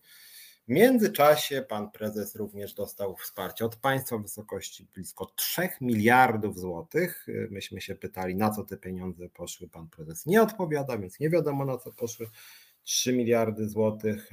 E, teraz prosi o kolejne pieniądze, tak? Więc mamy taką sytuację: zwolnienia, obniżki pensji, promowanie umów śmieciowych, następnie już nawet nie polskich, a węgierskich umów śmieciowych, a w tym samym czasie zarząd i rada nadzorcza lotu i PGL dostaje 7 milionów 210 tysięcy złotych. No i to jest właśnie zarządzanie y, polskimi spółkami. Mowa jest tutaj o narodowym przewoźniku, więc w kontekście tego tematu patriotyzmu czy bycia dumnym z naszej ojczyzny, no to narodowy przewoźnik, coś tu tak się zwie narodowym przewoźnikiem, no to wypadało być dumnym. I ja muszę powiedzieć, że poznałem wielu ludzi e, z lotu, mm, bardzo fajnych, bardzo zaangażowanych, też oddanych lotowi, też jakoś dumnych z tego, że są Polakami, latają polskimi liniami lotniczymi lot. Ale w momencie, kiedy widzę, co pan Rafał Milczarski robi z e, lotem i jego koledzy i koleżanki, to ja nie wiem, z czego tutaj być dumnym. Przewalają miliardy nie wiadomo na co, zarabiają miliony, zwalniają ludzi, zamieniają etaty na śmieciówki, obniżają pensje etatowym pracownikom. Jeszcze, jak wiecie, były sprawy związane z tym, że zdegradowano lub zwolniono część pracowników e, etatowych lotu, na tak jeszcze, jak pokazała decyzja Urzędu Ochrony Danych Osobowych, najprawdopodobniej sprzecznie z prawem, bo zwalniano na podstawie i degradowano na podstawie wpisów na Facebooku, co się działo niezgodnie z polskim prawem, zdaniem młodo. No więc generalnie wstyd, no jak tutaj być dumnym z narodowego przewoźnika, czy z drugiej strony jak być dumnym z narodowej telewizji, tak? Telewizja polska, jakby nie było już w nazwie, ta polskość tutaj bije nie jestem dumny z narodowej telewizji, z telewizji polskiej, wręcz mi jest strasznie wstyd, że chyba żyję w kraju, w którym telewizja publiczna jest najgorsza ze wszystkich krajów świata. Takiego bagna to chyba naprawdę nie da się spotkać już nawet nie w Korei Północnej czy w Rosji Putina, że jakieś standardy elementarne tam chyba są. Tutaj nie ma żadnych standardów, żadnych zupełnie. W związku z tym, no nie wiem, jak mam być z tego, szczerze powiedziawszy, dumny. No, strasznie to smutne, ale nie, nie, nie jestem dumny po prostu. No. Eee, N w latach 90. ukochali antysemickie wówczas radio. Znaczy Radio Maria w ogóle cały czas jest chałubią, tak naprawdę jest uprzywilejowany, dlatego że funkcjonuje telewizja Trwam też chyba jako właśnie te media misyjne. Jak się jest medium misyjnym, to wtedy ma się bardzo duże zniżki, jak chodzi o koncesję. Nie płaci się tych opłat dodatkowych. Yy, Bożena Breczko pisze, że 68 rok w Polsce skutecznie dokończył kwestię żydowską. Znaczy ja mam wrażenie, że to niestety był taki czas i to siedzi tak, że właśnie tak, tego wypierania antysemityzmu i udawania, że to w ogóle nie jest problem, a 68 rok pokazał, że wtedy już to był gigantyczny problem, chociaż tuż po wojnie przez chwilę z antysemityzmem walczono, no a później to zaczęło wracać i również partia zaczęła wykorzystywać ten wątek. Zresztą antysemityzm później pojawiał się też wielokrotnie w wypowiedziach różnych e, duchownych Kościoła katolickiego, później pojawiał się w różnych e, mediach, pojawiał się u części kandydatów na prezydenta, w programie części partii, no i tak sobie to żyje do dzisiaj.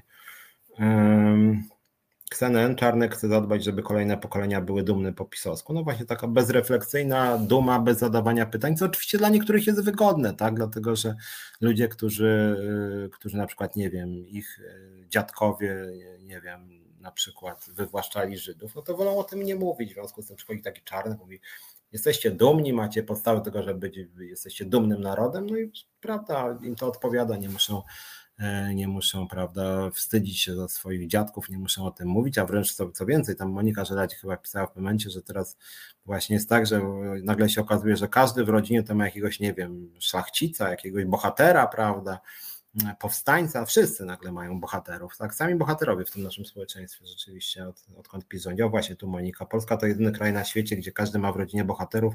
Do dziś nie wiadomo skąd się wodzą polscy tchórze, złodzieje, malwersanci, kolaboranci. Nikt się do nich nie przyznaje. Tak, no właśnie, tak. 99,5% to, sami bohaterowie, prawda? Wszyscy nasi przodkowie to w ogóle to, to, to w ogóle sami wspaniali, prawda? Mm, wszyscy dla dobra narodu, ojczyzny, społeczeństwa, no i plus oczywiście sama szlachta i arystokracja, to też wiadomo. E, W zmianach systemowych Tomasz Szyndralewicz nikt nie jest zainteresowany, bo to kupa roboty, łatwiej pochylić się nad pojedynczymi przypadkami, najlepiej przy kamerach. KSNN, wiecie jak lud pisionazielski potępia media, na przykład NatGeo, które śmiały akurat teraz wspominać zburzenie muru berlińskiego, nic to, że co roku wspominają teraz to nagane, bo nie był déjà SG. E, nasi policy z dumą twierdzą, że w Polsce jest mniej gwałtów niż w Szwecji, pisze Bożena Breczko. Ja to kilka razy już mówiłem, więc drodzy koledzy i koleżanki z prawicy, koledzy głównie.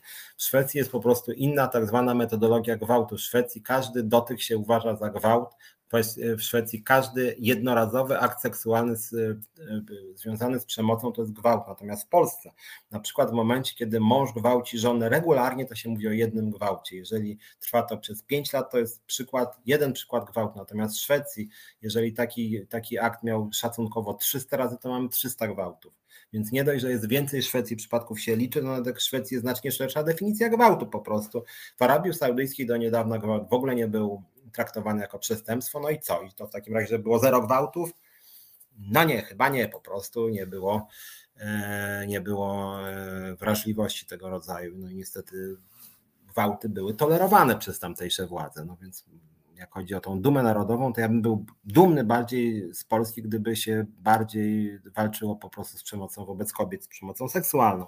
Wtedy byłoby więcej powodów e, do dumy. Słuchajcie, zróbmy krótką przerwę i wrócę i porozmawiam z Piotrem Bocianowskim o pracy w niedzielę. To jest bardzo ważny temat, o pracy w święta, bo my jutro dużo tutaj mówimy o takich tematach typu duma narodowa, prawda, wielkość polskiego narodu, jak to będą obchodzić Marsz Niepodległości, a tymczasem część społeczeństwa po prostu jutro pracuje i pracuje właściwie w każde święto, więc zróbmy teraz krótką przerwę i za chwilę z Piotrem porozmawiamy na temat właśnie pracy w niedzielę, jak to wygląda, jakie są regulacje prawne, kiedy musicie pracować, a kiedy możecie, ile powinniście oczekiwać pieniędzy za pracę w niedzielę i święta. A teraz piosenka. Reset Obywatelski. No i jesteśmy, już wróciliśmy. E, witajcie. E, słuchajcie, teraz chciałem porozmawiać z Piotrem Bocianowskim na temat troszkę inny, e, mianowicie odnośnie handlu w niedzielę. Czy Piotr już jest ze mną?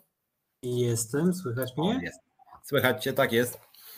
E, więc tak, trochę, trochę teraz inny temat, słuchajcie, trochę uspokoimy, że tak powiem, atmosferę. E, no ale tak, jutro będzie wiele osób demonstrowało, część mówi, że wszyscy powinni właśnie cieszyć się tym świętem. Tymczasem wiele osób jutro będzie po prostu pracować. Mm, pracownicy energetyki, policji, rozrywki, gastronomii, części handlu, transportu. Tak sobie wypisałem, ale pewnie ta lista mogłaby być znacznie, znacznie dłuższa. No i generalnie rzecz biorąc, bardzo długa jest lista pracowników myślę, że się wydłużyła w ostatnich latach, e, którzy pracują w niedzielę i święta właściwie regularnie, że to nie ma dla nich jakichś tam wyjątkowych dni, również i w Boże Narodzenie czy Nowy Rok też część pracuje.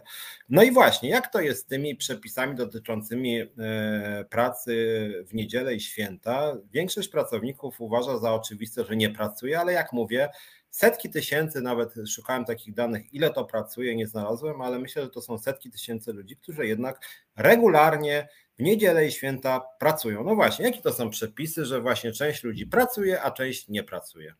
To tak ogólnie ustawodawca kiedyś tworząc te przepisy, czyli wyjątki e, od reguły, że w niedzielę i święto się nie pracuje, wprowadził wyjątki podmiotowe.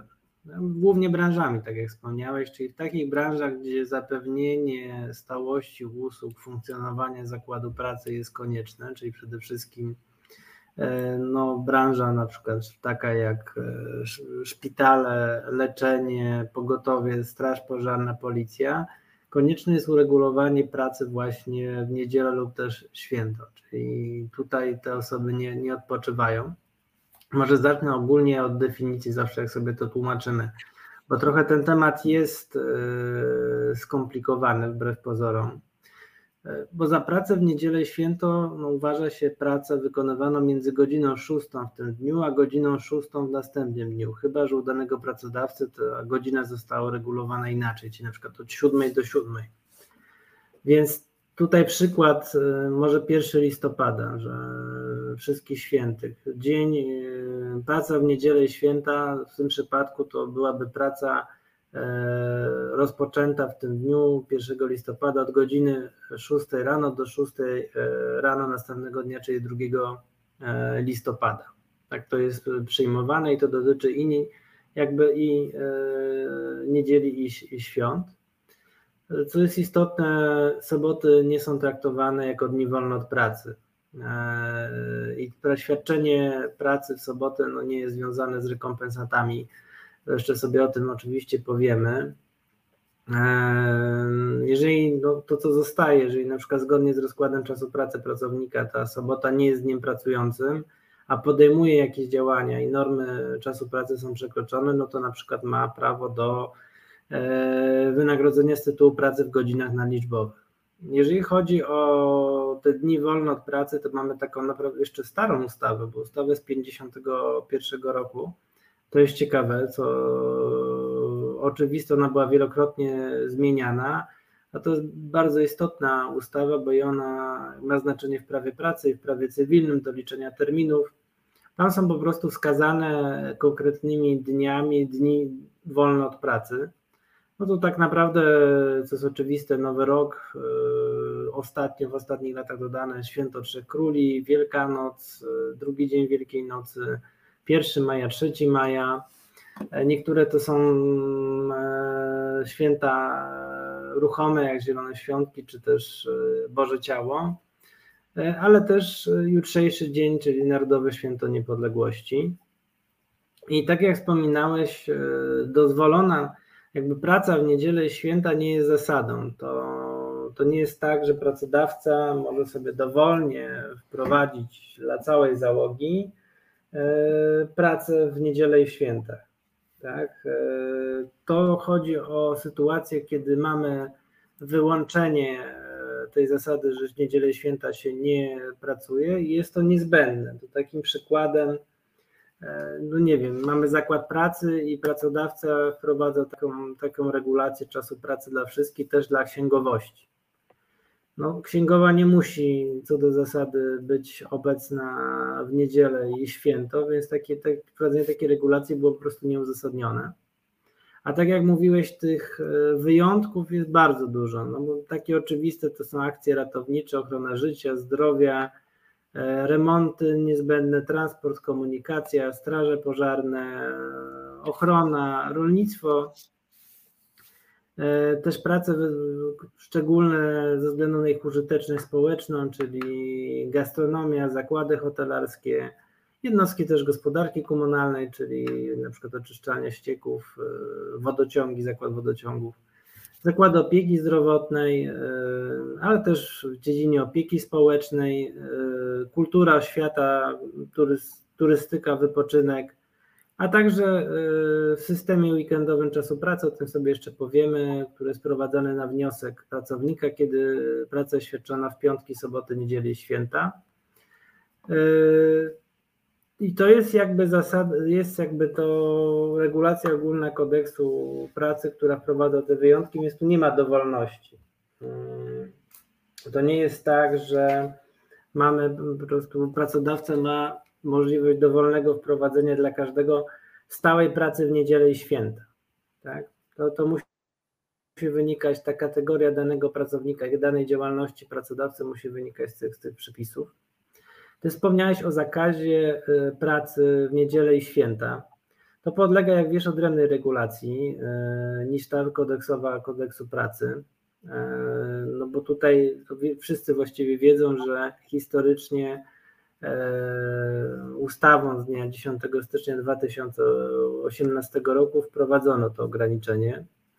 I co jest ciekawe, e, ten zakaz e, nie dotyczy tylko pracowników, ale również umów cywilnoprawnych. Bo wiem, że tam kiedyś rozmawialiśmy. To jest o tyle ciekawe, że jeżeli nie zapytałbyś, czy człowiek na umowie zlecenia E, nie może pracować, czy to niedziela, sobota jest dla niego wolnym od, znaczy, przepraszam, sobota nie, ale niedziela lub święto jest nim wolnym dla niego od pracy, to ja bym powiedział, nie, to jest umowa cywilnoprawna, on pracuje, nie ma czegoś takiego jak czas pracy przy umowie zlecenia, umowy cywilnoprawnej. A tutaj jednak przy zakazie pracy w placówkach handlowych, mm, w święta i niedzielę, podkreślam, tylko w placówkach handlowych, pogłoszono się o rozszerzenie tego zakazu właśnie też na osoby pracujące, zatrudnione na umowie cywilnoprawnej. To są tyle ciekawe, że, że ta ochrona jest tu pełniejsza, tak uważam, w porównaniu do kodeksu pracy, który co do zasady do tych umów cywilnoprawnych się nie odnosi.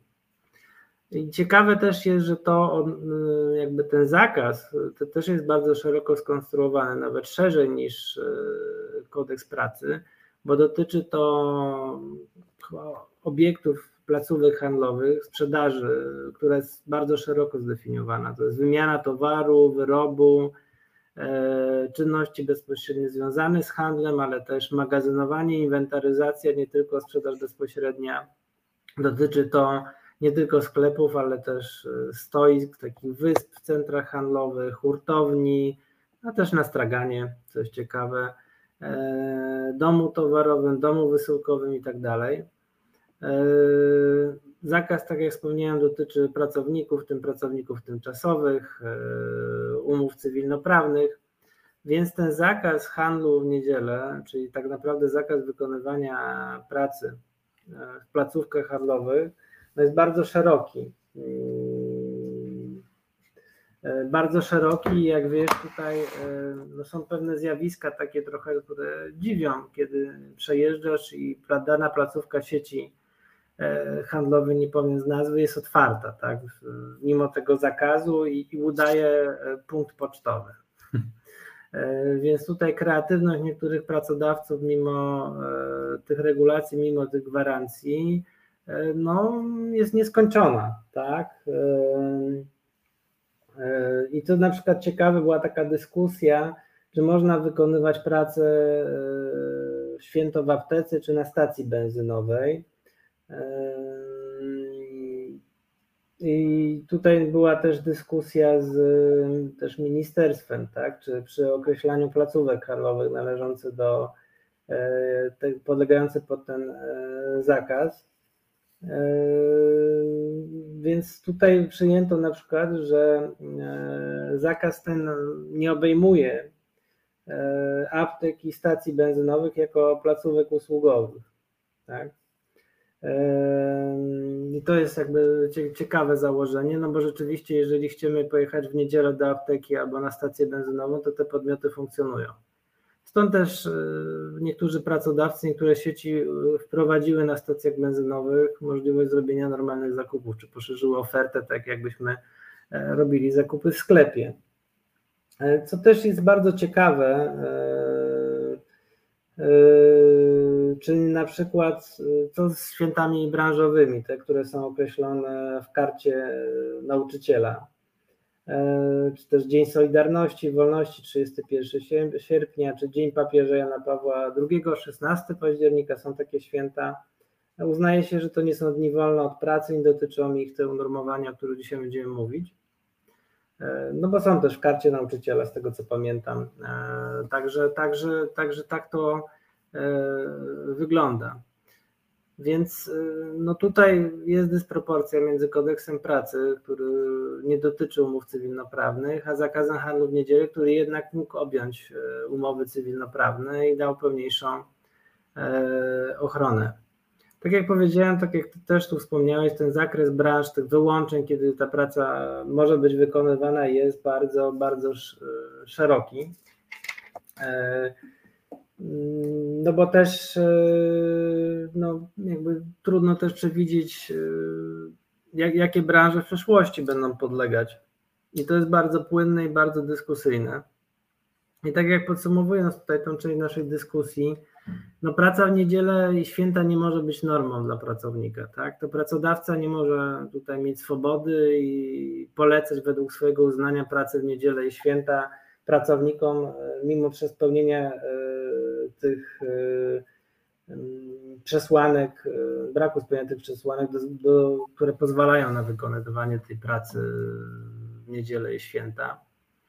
Może też teraz parę słów, jeżeli pozwolisz, co takiemu pracownikowi się należy, który e, no, pracę wykonuje w niedzielę lub święto. Bo tutaj też jest takie trochę błędne przekonanie pracowników, że im się należy wynagrodzenie. To trochę nie jest tak, bo to jest uregulowane stopniowo, czyli pracownikowi, który wykonywał w pracę w niedzielę, pracodawca ma zapewnić inny wolny dzień od pracy w okresie 6 dni kalendarzowych poprzedzających lub następujących po takiej niedzieli. Czyli jeżeli pracownik, nie wiem, pracował 26 września tego roku, tak? No to on musi odebrać e, dzień wolny od pracy albo 6 dni wcześniej, albo 6 dni później, po tym dniu, kiedy pracował w niedzielę. Jeżeli nie jest możliwe wykorzystanie dnia wolnego w tym terminie, bo na przykład no, jest to wykluczone z uwagi na, na rozkład czasu pracy, no to pracownikowi przysługuje dzień wolny od pracy do końca okresu rozliczeniowego. Okresu rozliczeniowego, czyli tego czasu, który mamy, który obowiązuje, w którym dokonujemy rozliczenia czasu pracy i wynagrodzenia z tym związanego. Tak? To nie chodzi o okres wypłaty wynagrodzenia comiesięczny, tylko po prostu okres, gdzie dokonuje się pewnych korekt z uwagi na, na czas pracy pracownika tak to upraszczając. No I wtedy dopiero w razie braku możliwości udzielania dnia wolnego w okresie rozliczeniowym, dopiero wtedy pracownikowi wypłaca się dodatek wynagrodzenia w wysokości 100% za każdą godzinę pracy w niedzielę. Czyli jeżeli pracownik by pracował jutro e, i okres rozliczeniowy na przykład wynosiłby nie wiem, 6 miesięcy, od 1 lipca do końca tego roku, no to do końca roku kalendarzowego e, może odebrać e, ten dzień. No jak się nie uda, to przysługuje mu dodatek. Co jest ciekawe, pracownik pracujący w niedzielę powinien korzystać co najmniej raz na 4 tygodnie z niedzieli wolnej pracy. Czyli nie ma tak, że, że każda niedziela to pracujemy. Oczywiście nie dotyczy to systemu pracy weekendowej wprowadzony na wniosek pracownika. Podobna regulacja bardzo zbliżona jest e, za pracę w święto, e, bo tam też jest e, obowiązek zapewnienia innego dnia wolnego w ciągu okresu zliczeniowego pracownikowi. Jeżeli to nie jest możliwe w tym terminie, no to wtedy jest ten stuprocentowy dodatek do wynagrodzenia za każdą godzinę pracy w święto i tu się stosuje odpowiednio przepisy dotyczące pracy w niedzielę.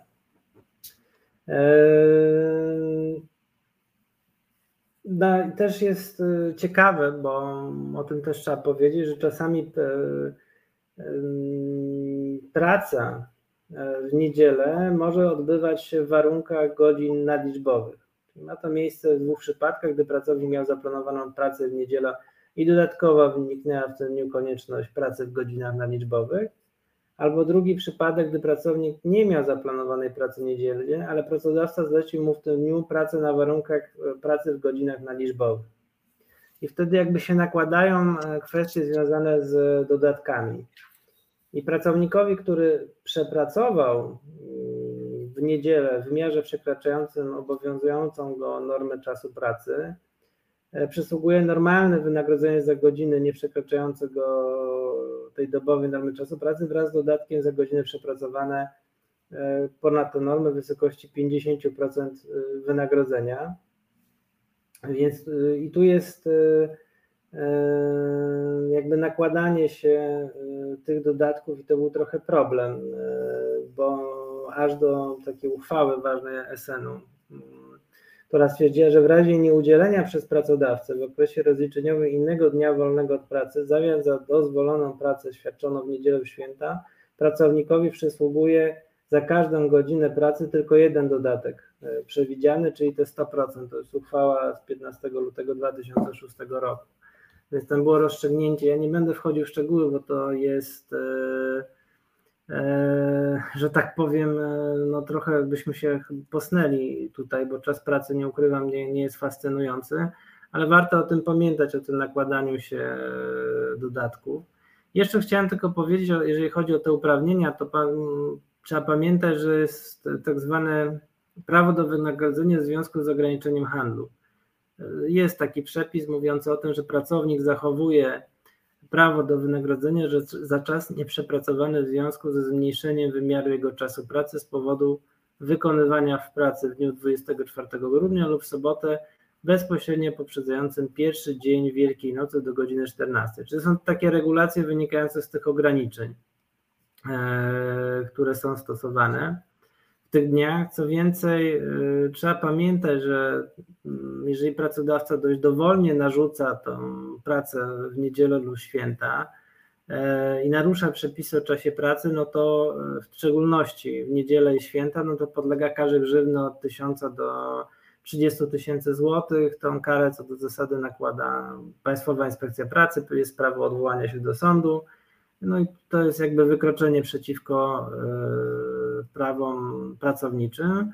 A co ciekawe, za złamanie zakazu handlu w niedzielę, o tym, czyli o ta druga rzecz, to kara wynosi nawet 100 tysięcy złotych, czyli znowu jest taka dysproporcja e, pomiędzy tymi karami. No tak trochę mnie to dziwi, bo mm, ja, bym chyba wolał, żeby jednak ten, ta sankcja w kodeksie pracy była większa za naruszenie tych praw pracowniczych, nie tylko 30 tysięcy złotych, tylko taka, która by rzeczywiście zapewniała realną prewencję przed naruszeniem praw pracowniczych. I co jest istotne, czy pracodawca ma prawo narzucić obowiązek pracy w niedzielę święto? O tym mówiliśmy. Co do zasady,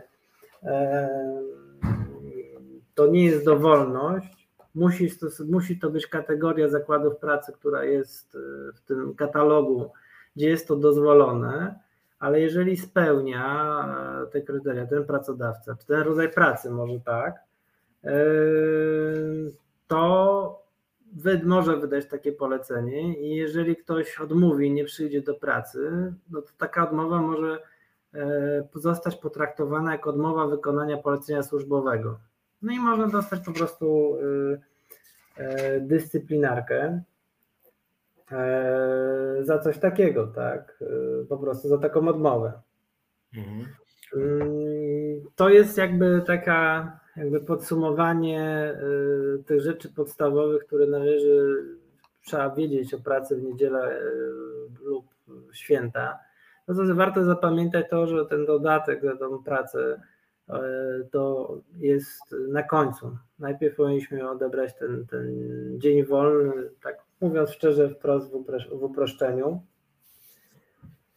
Yy, co jeszcze tu można dodać? No właściwie, właściwie to tak ogólnie wprowadzając w temat jest, jest yy, wszystko. Mhm, wiem, że ja ci tylko przerwę, bo wiem, że chciałeś tak mniej więcej do 18.30, więc tak, podsumowując jedno krótkie pytanie, bo tak, z tego wynika, że generalnie nie jest tak, że za pracę w niedzielę się dostaje wyższą stawkę, bo jeżeli na przykład się pracuje poniedziałek, wtorek, środa, czwartek, niedziela, czyli 5 dni w tygodniu, to za niedzielę nie ma wcale wyższego wynagrodzenia. E, ja to mówię w tym kontekście, że my jako związek chcemy wyższych e, stawek za pracę w niedzielę, niezależnie od tego, czy to jest piąty, szósty, czy który dzień tygodnia, tylko po prostu za każdą pracę w niedzielę. Natomiast drugie pytanie, bo, bo, e, bo, bo, bo to jakby mi trochę umknęło może, czyli generalnie rzecz biorąc, zgodnie z kodeksem pracy w niedzielę się nie pracuje, ale jest mnóstwo wyjątków. Czy to jest tak, bo na przykład, jeżeli na przykład dajmy na to, nie wiem, Zakład Ubezpieczeń Społecznych albo jakiś tam inny urząd, administracja skarbowa, nagle by dyrektor powiedział, wiecie co, jednak jest dużo roboty, to może jednak y, popracujmy w najbliższe trzy niedziele. To rozumiem, że to nie można tak sobie zrobić. No to tak jak mówię o tym przykładzie z, tą księgową, z innymi pracownikami. No, ja nie mogę sobie powiedzieć w zakładzie pracy, y, to teraz wszyscy będziemy pracować w niedzielę, bo tu jeżeli nie wpadam w tą kategorię i tych dozwolonych zakładów pracy, ale też moje stanowisko pracy jako pracownika no, no nie mieści się w tych, tych przesłankach, no to to jest nieuzasadnione. Tak? E, e, bo to praca w niedzielę lub święta jest wyjątkiem. To nie jest zasada. To nie może być stosowane jako mm, jakby reguła. I trzeba o tym pamiętać. Jeżeli mamy na przykład e, usługi w gastronomii, i mamy zakład restauracji i tam jest niedziela, jest, jest powiedzmy jest no, otwarte y, i pracują pracownicy, no to trudno wymagać na przykład, żeby księgowa przyszła i pracowała w niedzielę, jeżeli to nie jest wymagane, y, nie jest jakby uzasadnione. Y, aczkolwiek no, to, to, trzeba po prostu patrzeć przez, przez pryzmat tych wyjątków, o których wspomnieliśmy, których w kodeksie pracy jest naprawdę sporo. E, ale nie, nie jest to zasada, podkreślam. Nie jest to dowolność pracodawcy, nie może być stosowane powszechnie. Bo jednak niedziela e, jest tym czasem weekendowej, tygodniowej regeneracji pracownika. Mamy ten dobowy odpoczynek i mamy dobowy odpoczynek w niedzielę. I, I, jest to, są podstawowe zasady e, prawa pracy, które zapewniają pracownikowi możliwość tej regeneracji, tak? A nie nadużywania e, prawa do wydania polecenia pracy w niedzielę przez pracodawcę i na tym, na tym jakby trzeba polegać. Z drugiej strony pracownicy muszą na pewno pamiętać, że jeżeli przesłanki pracy w niedzielę są spełnione i wydane jest polecenia, oni odmówią bez uzasadnienia, czy odmówią i nie przyjdą, no to jest porzucenie pracy. I zwolnienie dyscyplinarne może ich e, za to niestety spotkać. Mhm.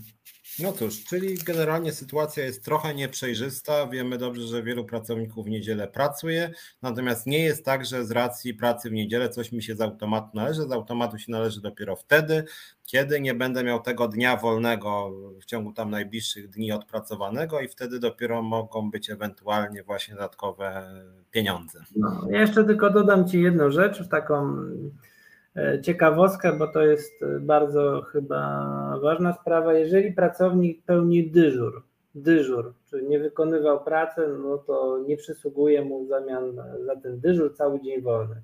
Bo dzień wolny od pracy nie przysługuje, jeżeli praca w niedzielę miała charakteru dyżuru. To żebyśmy o tym też pamiętali. E, często w lotnictwie ma się tak zwany dyżur, jeżeli się jest w załodze i, i, czy personelu pokładowym i tak naprawdę ta nie jest praca, bo nie wykonuje pracy w niedzielę, tylko jest na dyżurze. A jeżeli tak, to nie mam prawa do dnia wolnego. Jest nawet taki wyrok SN-u. Także, także to jest temat dosyć obszerny. Ja tak starałem się to trochę uprościć. E, mam nadzieję, że jakoś w sposób to przystępny sobie omówiliśmy. No i pewnie mhm. zobaczymy się w następnej audycji. A takie pytanie do Ciebie, Piotrze, idziesz na marsz? Nie idę na marsz. Właśnie trochę o tym, o tym trochę zaczęliśmy mówić, jeszcze pewnie chwilę o tym porozmawiamy. Kategoria dumy narodowej w ogóle jest dla mnie wątpliwa. Dumnym można być moim zdaniem za zasługi, za to, że się pomaga innym ludziom, za to, że coś się dla innych zrobiło. Jak ktoś jest dumny z tego, że jest Polakiem, to przyznam szczerze, że nawet na bazie polskiej konstytucji i kodeksu pracy nie wiem z czego tu być dumnym, ponieważ z racji swojego pochodzenia ja dumny nie jestem. Dumny mogę być z czegoś, co zrobiłem dla innych ludzi. No to ładnie powiedziane, rzeczywiście. Bardzo dziękuję za, za audycję i słyszymy się. Niedługo. Bardzo Ci Piotrze Pozdrawiam. Dziękuję. Pozdrawiam Cię, pozdrawiam Państwa. Ja Ciebie też, trzymaj się Piotrze. No natomiast słuchajcie, może zróbmy sobie jeszcze taką krót, kró, krótką przerwę, jeżeli tutaj nasz realizator ma jakąś nie za długą piosenkę, to może zróbmy sobie takie, nie wiem, ze 2,5 czy 3 minuty i jeszcze wrócimy i pogadamy między innymi o tym nieszczęsnym naszym Marszu Niepodległości, o tym, co się e, w locie dzieje i być może jeszcze trochę o pracy w niedzielę, bo jak mówię, część będzie de, de demonstrować, a część będzie pracować, więc może teraz króciutka przerwa i później jeszcze wrócimy i sobie porozmawiamy. Reset Obywatelski. No i jesteśmy, już wraciliśmy. E, witajcie. No to tak, e, rzeczywiście myślę, że powinniśmy pamiętać o tym, że praca w niedzielę bywa e, bardzo ciężka, bardzo męcząca, ale wielu z nas pracuje w niedzielę i my jako Związkowa Alternatywa uważamy, że niezależnie od tego, czy to jest piąty, szósty, czy który dzień pracy w tygodniu, to powinno być dodatkowe wynagrodzenie razy dwa i pół za pracę w niedzielę właśnie. Każdą pracę w niedzielę, nie tylko w handlu, to jest propozycja Związkowej Alternatywy. Natomiast chciałem jeszcze wrócić do um, tego Marszu Niepodległości. Tak teraz słuchając tej piosenki sobie myślałem, działając w związkowej alternatywie, że mm, przyznam szczerze, że te deklaracje, jakim to jest się bohaterem, jak to by się walczyło o ojczyznę, Czasem to mnie napełnia jakimś takim smutnym, a czasem złośliwym trochę śmiechem, no właśnie na adres naszej strony za.pl, bo tak sobie myślę, że część z Was, i mam tu na myśli też część tych młodych ludzi, którzy jutro będą demonstrować na ulicach Warszawy, będą mówić, że są jak powstańcy, że oni, prawda, już by za ojczyznę umierali.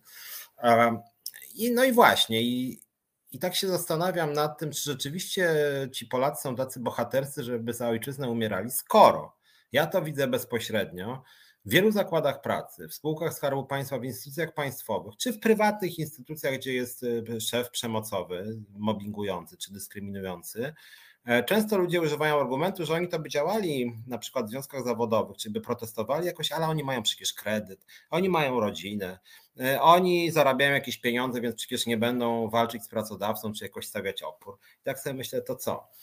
A to wy boicie się nawet walczyć o podwyżkę 300 zł, a z drugiej strony mówicie, że wy byście walczyli w wojnie czy powstaniu, której nie chodziłoby o wasz kredyt, e, nie wiem, tam to, żeby nawet się z czego utrzymać, tylko chodzi o wasze życie, po prostu można umrzeć na wojnie, tak?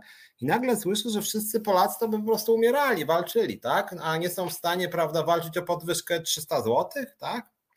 Więc przyznam szczerze, że e, takie deklaracje, jakby jakimi to my nie jesteśmy bohaterami, przyznam, że tak dzielę sobie przez 150, to znaczy mam bardzo dużo dystansu bo ja nie widzę, żeby tak bardzo polskie społeczeństwo było znowu odważne, a rzeczywiście jak tak Marzanna tu pisze, wyrywanie koszy, drzewka, kostka brukowa, podpalanie racami mieszkania, to to nie jest żadna odwaga, tylko to jest działania kryminalne, no to jest jakaś bandyterka po prostu, tak?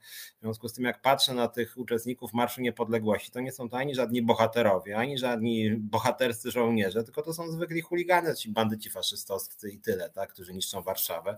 No bo nie oszukujmy się, no większość ludzi, większość takich obrazków, które pamiętamy z Marszu Niepodległości, to jest po prostu zniszczona Warszawa, jakieś faszystowskie okrzyki, prawda, jakaś tam wielka Pol, Biała Polska, czy jakieś tam Polska dla Polaków, czy że, że będą wisieć komuniści zamiast liści, tego typu teksty, tak, no to nie jest żadna odwaga, to nie jest żadne działanie dla dobra ojczyzny, to nie jest pomoc komukolwiek, tylko to jest po prostu jakieś takie, no, takie chuligaństwo, jakieś takie wybryki, prawda? Więc y, każdy, kto mówi o tym, żeby umierał za ojczyznę i że byłby w stanie oddać życie za ojczyznę, to ja chciałbym, żeby poddał jakby taki test, taki uczciwy test, nawet prywatnie, tak sobie pomyśleć, czy jesteś człowieku, żołnierzu potencjalny, zdolny do tego, żeby nawet walczyć o swoje interesy, czy jesteś zdolny do tego, żeby na przykład stanąć w obronie swojego kolegi czy koleżanki w pracy. Czy jesteś w stanie w autobusie, kiedy będą pluć na bezdomnego, powiedzieć zaraz, nie, nie plujcie na niego, tak? Czy jesteście w stanie do tego typu odważnych działań, tak? Na wojnie byście musieli dużo bardziej odważne działania robić, ale nawet coś takiego. Czy jesteście w stanie obronić, nie wiem, e, człowieka e, w szkole, chłopaka czy dziewczynę o, nie wiem, ciemnym kolorze skóry i powiedzieć zaraz, zaraz, to, że ten, że, że, że, że nie wiem, John ma ciemny kolor skóry, to nie znaczy, że jest od nas gorszy, odczepcie się od niego, tak? Więc, więc, więc właśnie moje pytanie, czy bylibyście w stanie walczyć po prostu w obronie praw swoich i swoich kolegów i koleżanek z pracy? Mówię to jako w tym wypadku związkowiec, bo ja widzę bardzo często, że ludzie, którzy właśnie strugają bohaterów, nawet w takich codziennych zachowaniach nie są w stanie po prostu nawet stawić podstawowego oporu, tak? Więc gdzie tutaj w ogóle jakiejś wojnie mowa, tak? Więc mnie to czasem wręcz, że tak powiem, tak smutno bawi, tak? bo to jest takie trochę groteskowe, trochę żenujące. Więc może dajmy sobie spokój z tym umieraniem za ojczyznę. Najpierw nauczcie się pomagać swoim bliźnim. Tym bardziej, że nikt od was nie oczekuje, żebyście umierali za ojczyznę, nie jest to potrzebne. Potrzebne jest natomiast, żebyście pomagali innym ludziom, szczególnie tym biednym, wykluczonym, dyskryminowanym. E, dyskryminowani w Polsce są osoby z niepełnosprawnościami, dyskryminowane są osoby nieheteroseksualne, niekiedy dyskryminowani są ateiści, niekiedy dyskryminowane są osoby, które mają, nie wiem, e, ciemny kolor skóry, niekiedy to są osoby otyłe, tak, albo osoby bardzo niskie, albo osoby z jakimiś zaburzeniami psychicznymi, tak. Ja tutaj nie widzę za wielu bohaterów, którzy by właśnie bronili tych ludzi, tak, wspierali, byli z nimi solidarni, wręcz przeciwnie, a ci panowie, bo to głównie panowie z Marszu Niepodległości, wręcz są pierwsi do tego, żeby dyskryminować. E, mamy jeszcze parę minut, paręnaście właściwie, więc może kilka takich, e, kilka takich uwag dotyczących e, właśnie tego, co się ostatnio dzieje w naszym kraju, a moim zdaniem dzieje się bardzo, bardzo źle i jestem bardzo zmartwiony tym, jako patriota mówię, tym, co się dzieje w moim kraju i tym, jak się też zachowują właśnie Polacy. Mm, bo z jednej strony mówiłem trochę o tych migrantach i uchodźcach, że to, co się dzieje przy granicy polsko-białoruskiej, nie tylko jest nieetyczne, ale jest również głupie, tak? To, że po prostu stajemy się takim znowuż, budujemy wizerunek kraju ksenofobicznego, nienawistnego, niechętnego do przyjmowania migrantów i uchodźców, no pokazuje, że nie jesteśmy w stanie wznieść się na jakąś elementarną solidarność, a z drugiej strony no, mamy coraz pogłęb, bardziej głęboką zapaść, na przykład w ochronie zdrowia, więc potrzebujemy po prostu migrantów, potrzebujemy ludzi z innych krajów po to, żeby właśnie te luki na rynku pracy wypełniać i Niemcy już to dawno zrozumieli, między innymi dlatego dzisiaj w Niemczech często leczą syryjscy lekarze, którzy jeszcze niedawno byli uchodźcami. Polacy niestety wolą swoją ksenofobię niż wypełniać luki na rynku pracy. Natomiast tak, e, jeśli chodzi o takie wydarzenia ostatnie, Jak wiecie, była sprawa właściwie zamordowanej Izabeli z Pszczyny. E, brałem udział w tej demonstracji, mówię to jako obywatel, ale mówię też jako związkowiec. Związkowa Alternatywa ma w swoim regulaminie, w swoim statucie, w swoim programie obrony praw człowieka, obrony praw e, kobiet. Natomiast rzeczywiście w tym samym czasie, kiedy była demonstracja, czy właśnie tego samego dnia, kiedy była demonstracja Solidarności z Izabelą, E, była też druga demonstracja pod Komisją Europejską, mianowicie związkowcy z OPZZ-u, w tym członkowie kierownictwa całej Centrali Ogólnopolskiego Porozumienia Związków Zawodowych, manifestowali pod Komisją Europejską wraz z Januszem Kowalskim i Michałem Wójcikiem z Solidarnej Polski. Robili sobie sweetfocie ze Zbigniewem Ziobrą, wspólnie demonstrowali przeciwko Unii Europejskiej, przeciwko zdrowemu środowisku, przeciwko odchodzeniu od węgla, przeciwko e, postępowaniu Komisji w sprawie i CUE w sprawie Turowa, e, za polskim rządem za omijaniem praworządności. W związku z tym, jak ktoś narzekał na Solidarność, to OPZZ jest dokładnie mm, po tej samej stronie. Ja przyznam szczerze, że jestem zszokowany. Jak wiecie, kiedyś z OPZZ-em blisko współpracowałem. No i przyznam, że takiego odpału, że tak powiem, to jeszcze nie było, żeby sobie sweetfocie z Januszem Kowalskim robić, bo odnośnie energetyki mieć, można mieć różne podejścia, ale podejście Janusza Kowalskiego to jest taka kołtuneria po prostu. To znaczy, można się zastanawiać na przykład nad tym, żeby było jakieś bardziej ekologiczne wydobycie węgla i tu zdobywać środki od Unii Europejskiej. Można e, odchodzenie i różnego rodzaju nowe formy energii w tych miejscach i korzystając z tej infrastruktury, co był wydobywany węgiel. Natomiast Janusz Kowalski to jest facet, który jest po prostu za wyjściem z Unii Europejskiej. To jest takie kołtuńska obrona węgla, że dobry polski węgiel zmiany klimatyczne wymyślili sobie ekolodzy, prawda, i trzeba walczyć z Unią Europejską. I to jest Janusz Kowalski. Skoro dzisiaj OPZZ staje razem z Januszem Kowalskim, Michałem Wójcikiem, jak mówię, tam byli przedstawiciele władz centralnych OPZZ-u, mm, pan e, Koćwin między innymi, wiceprzewodniczący związku i pan Ostrowski, no to no to rzeczywiście źle się dzieje z OPZZ-em. Ja przypomnę, że OPZZ, nie wiem, do niedawna chyba cały czas współpracuje blisko z lewicą parlamentarną, więc dla mnie to jest bezwzględnie kompromitujące i tego nie rozumiem zupełnie. Drugi news ze świata związkowego również przykre, mianowicie ostatnio podpisano porozumienie rządu z wybranymi związkami zawodowymi odnośnie ochrony zdrowia. To miał być chyba cios skierowany w białe miasteczko, które w ogóle nie brało udziału w tych rozmowach. I to porozumienie podpisały Solidarność i OPZZ, więc znowuż te dwie duże centrale, które coraz bardziej są przystawkami rządu, e, te związki, które protestowały i po prostu środowiska pracownicze w Białym Miasteczku wydało oświadczenie, że nie mają nic wspólnego z tym porozumieniem, że nikt ich o zdanie nie pytał i że te związki, które podpisały porozumienie, to są akurat te związki, które, te centrale, które w ochronie zdrowia są bardzo słabe, w związku z tym jest szokujące, że właśnie OPZZ i Solidarność po raz kolejny okazują się solidarne przede wszystkim z polskim mm, rządem. Bardzo to e, smutne. E, Darek Pióro dopomaga się zaproszenia posła Zandberga i profesora Matczaka. No cóż, ja bym mógł pogadać i z Zandbergiem i z Matczakiem, jednym i drugim miałbym, dałbym dosyć trudne pytania. Mogę spróbować. No, jakby ten program jest programem głównie związkowym, E, Zandberga bym się spytał, na przykład ostatnio Lewica zaproponowała obniżkę podatku VAT do 15%. No, przepraszam bardzo, ale nie wiem jakich ekspertów ma Lewica, ale obniżka podatku VAT z 23 do 15% to jest katastrofa dla budżetu. Nie wolno takich nieodpowiedzialnych e, propozycji przedstawiać. E, a z drugiej strony, jak chodzi o profesora Matczaka, to wolałbym też ich, wolałbym nie rozmawiać z Matczakiem odnośnie jego poglądów na temat y, awansu zawodowego i tego, że warto pracować 16 godzin dziennie, z tego prostego powodu, że jest to głupio, on nie jest ekspertem od tego. W związku z tym niech się Matczak zajmuje prawem, w tym jest niezły. I tutaj myślę, że nie wiem, czy jest sens nagłaśniać jego niemądrych poglądów na temat rynku pracy. Zresztą jak miałbym jednym zdaniem skomentować to, co on tam wygadywał, to jeżeli się jest prawnikiem, czy jest się socjologiem, czy filozofem, ja studiowałem filozofię i socjologię, ja pewnie też pracowałem czasem, nie wiem, 16 godzin, bo pracą było dla mnie czytanie Immanuela Kanta i prowadziłem zajęcia. Jak się jest socjologiem, filozofem, to fajnie jest poczytać sobie Kanta, Hegla, Marksa i kogo tam jeszcze i to czasem zajmuje 16 godzin, natomiast jeżeli się pracuje, jest się ekspedientką yy, w mięsnym, yy, albo pracuje się w hucie szkła, no to praca 16 godzin to jest narażenie życia i zdrowia po prostu. W związku z tym no, to jest naprawdę podstawowa wiedza, jak pan Matczak tego nie rozumie, to znaczy, że o rynku pracy niewiele wie po prostu, więc wydaje mi się, że nie ma sensu z nim rozmawiać. Natomiast jak chodzi o Zandberga, no trochę więcej od niego wymagam, może kiedyś go zaproszę, ale te propozycje lewicy ostatnio, właśnie na przykład ten 15% VAT, to nie są odpowiedzialne propozycje. Nie wiem, kogo oni tam jako eksperta zatrudniają. E, dziwne są te ich e, poglądy, tym bardziej, że ostatnio e, tym bardziej, że ostatnio lewica głosowała za budżetem pisowskim co, że ja nie zrozumiałem, Katarzyna Jastrzębska pisze, co napisał Matczak? Nie, myślę, że zrozumiałem, czytam jego feliton e, e, nie wydał mi się zbyt mądry ten jego felieton, bo on pisał między innymi, że w Polsce są bardzo otwarte kanały awansu społecznego. Nie są otwarte, naprawdę.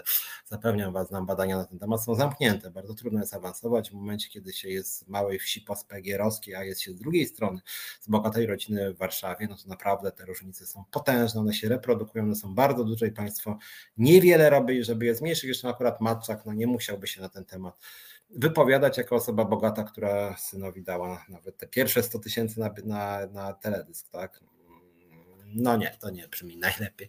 Więc jeżeli, więc jeżeli miał co, że pani Katarzyna jest wsi Pegierowskiej, co i pani teraz jest bizneswoman, no świetnie, teraz pani studiuje w Londynie, to pogratulować. No tylko, że być może pani się akurat udało, natomiast badania pokazują, że generalnie rzecz biorąc, yy, są bardzo duże różnice E, między osobami, które wywodzą się z biednych regionów i bogatych, z tego względu, że polskie państwo nie robi nic, żeby zrównywać e, właśnie te nierówności dotyczące startu, żeby pomagać tym osobom defaworyzowanym.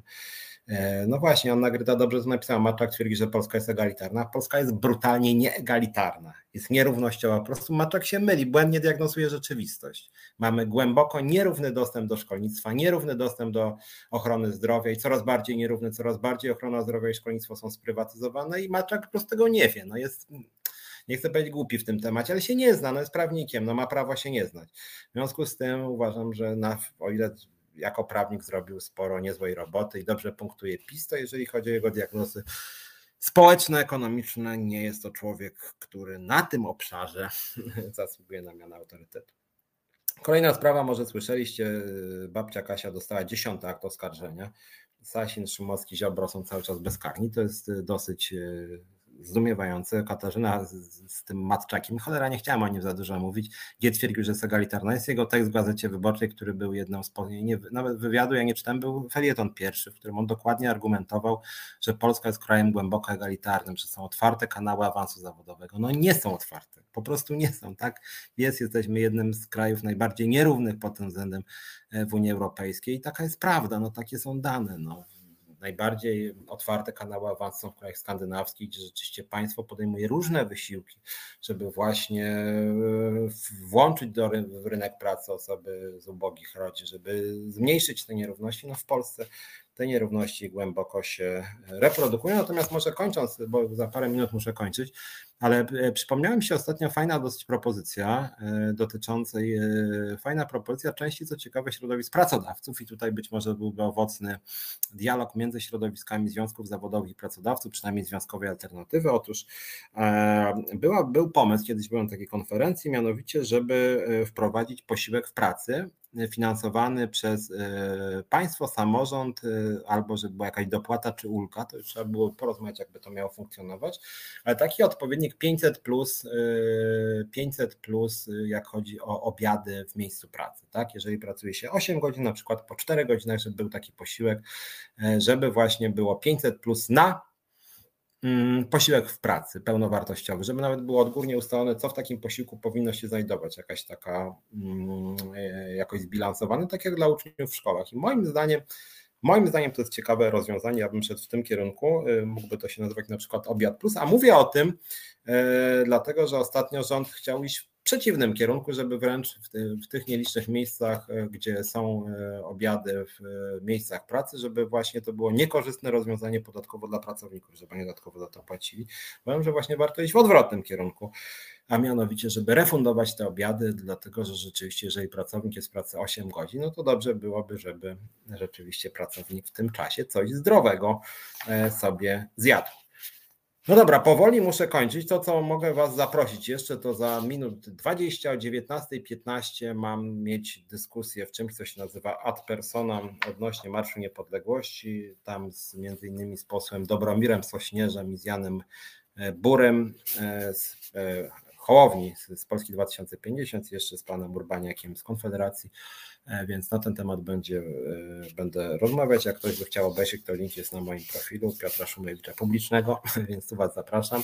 Jeśli chodzi o Marsz Niepodległości, pytał się mnie Piotr Bocianowski, czy idę. Nie idę i uważam, że to jest haniebne, jak obecnie jest obchodzony Marsz Niepodległości, mianowicie władza firmuje jakieś takie nacjonalistyczne, faszyzujące awantury. Bardzo mi się to nie podoba, jak chodzi o to, co się dzieje na granicy polsko-białoruskiej. Też jestem zbulwersowany, przede wszystkim jestem zbulwersowany tam, że nie ma tam mediów, że nie ma tam e, polityków opozycji, że generalnie rzecz biorąc władza buduje propagandę dokładnie taką, jaką buduje w TVP Info, więc no niestety, gdybyśmy żyli w kraju demokratycznym, gdybyśmy żyli w kraju praworządnym, to ja bym władzy ufał, natomiast ja tej władzy totalnie nie ufam, więc uważam, że nie przez przypadek władza wprowadziła stan wyjątkowy, wprowadziła go właśnie po to, żeby media nie mogły relacjonować tego, co się dzieje na granicy. Więc władzy nie ufam, natomiast jak chodzi o podejście na migrantów i uchodźców, jako obywatel jako związkowiec uważam, że powinniśmy być znacznie bardziej otwarci. Niezależnie od tego, czy jesteśmy Syryjczykami, Irakijczykami, czy Polakami, to jesteśmy przede wszystkim ludźmi i należą nam się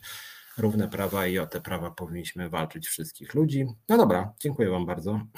No to w takim razie widzimy się i słyszymy za tydzień, a póki co trzymajcie się.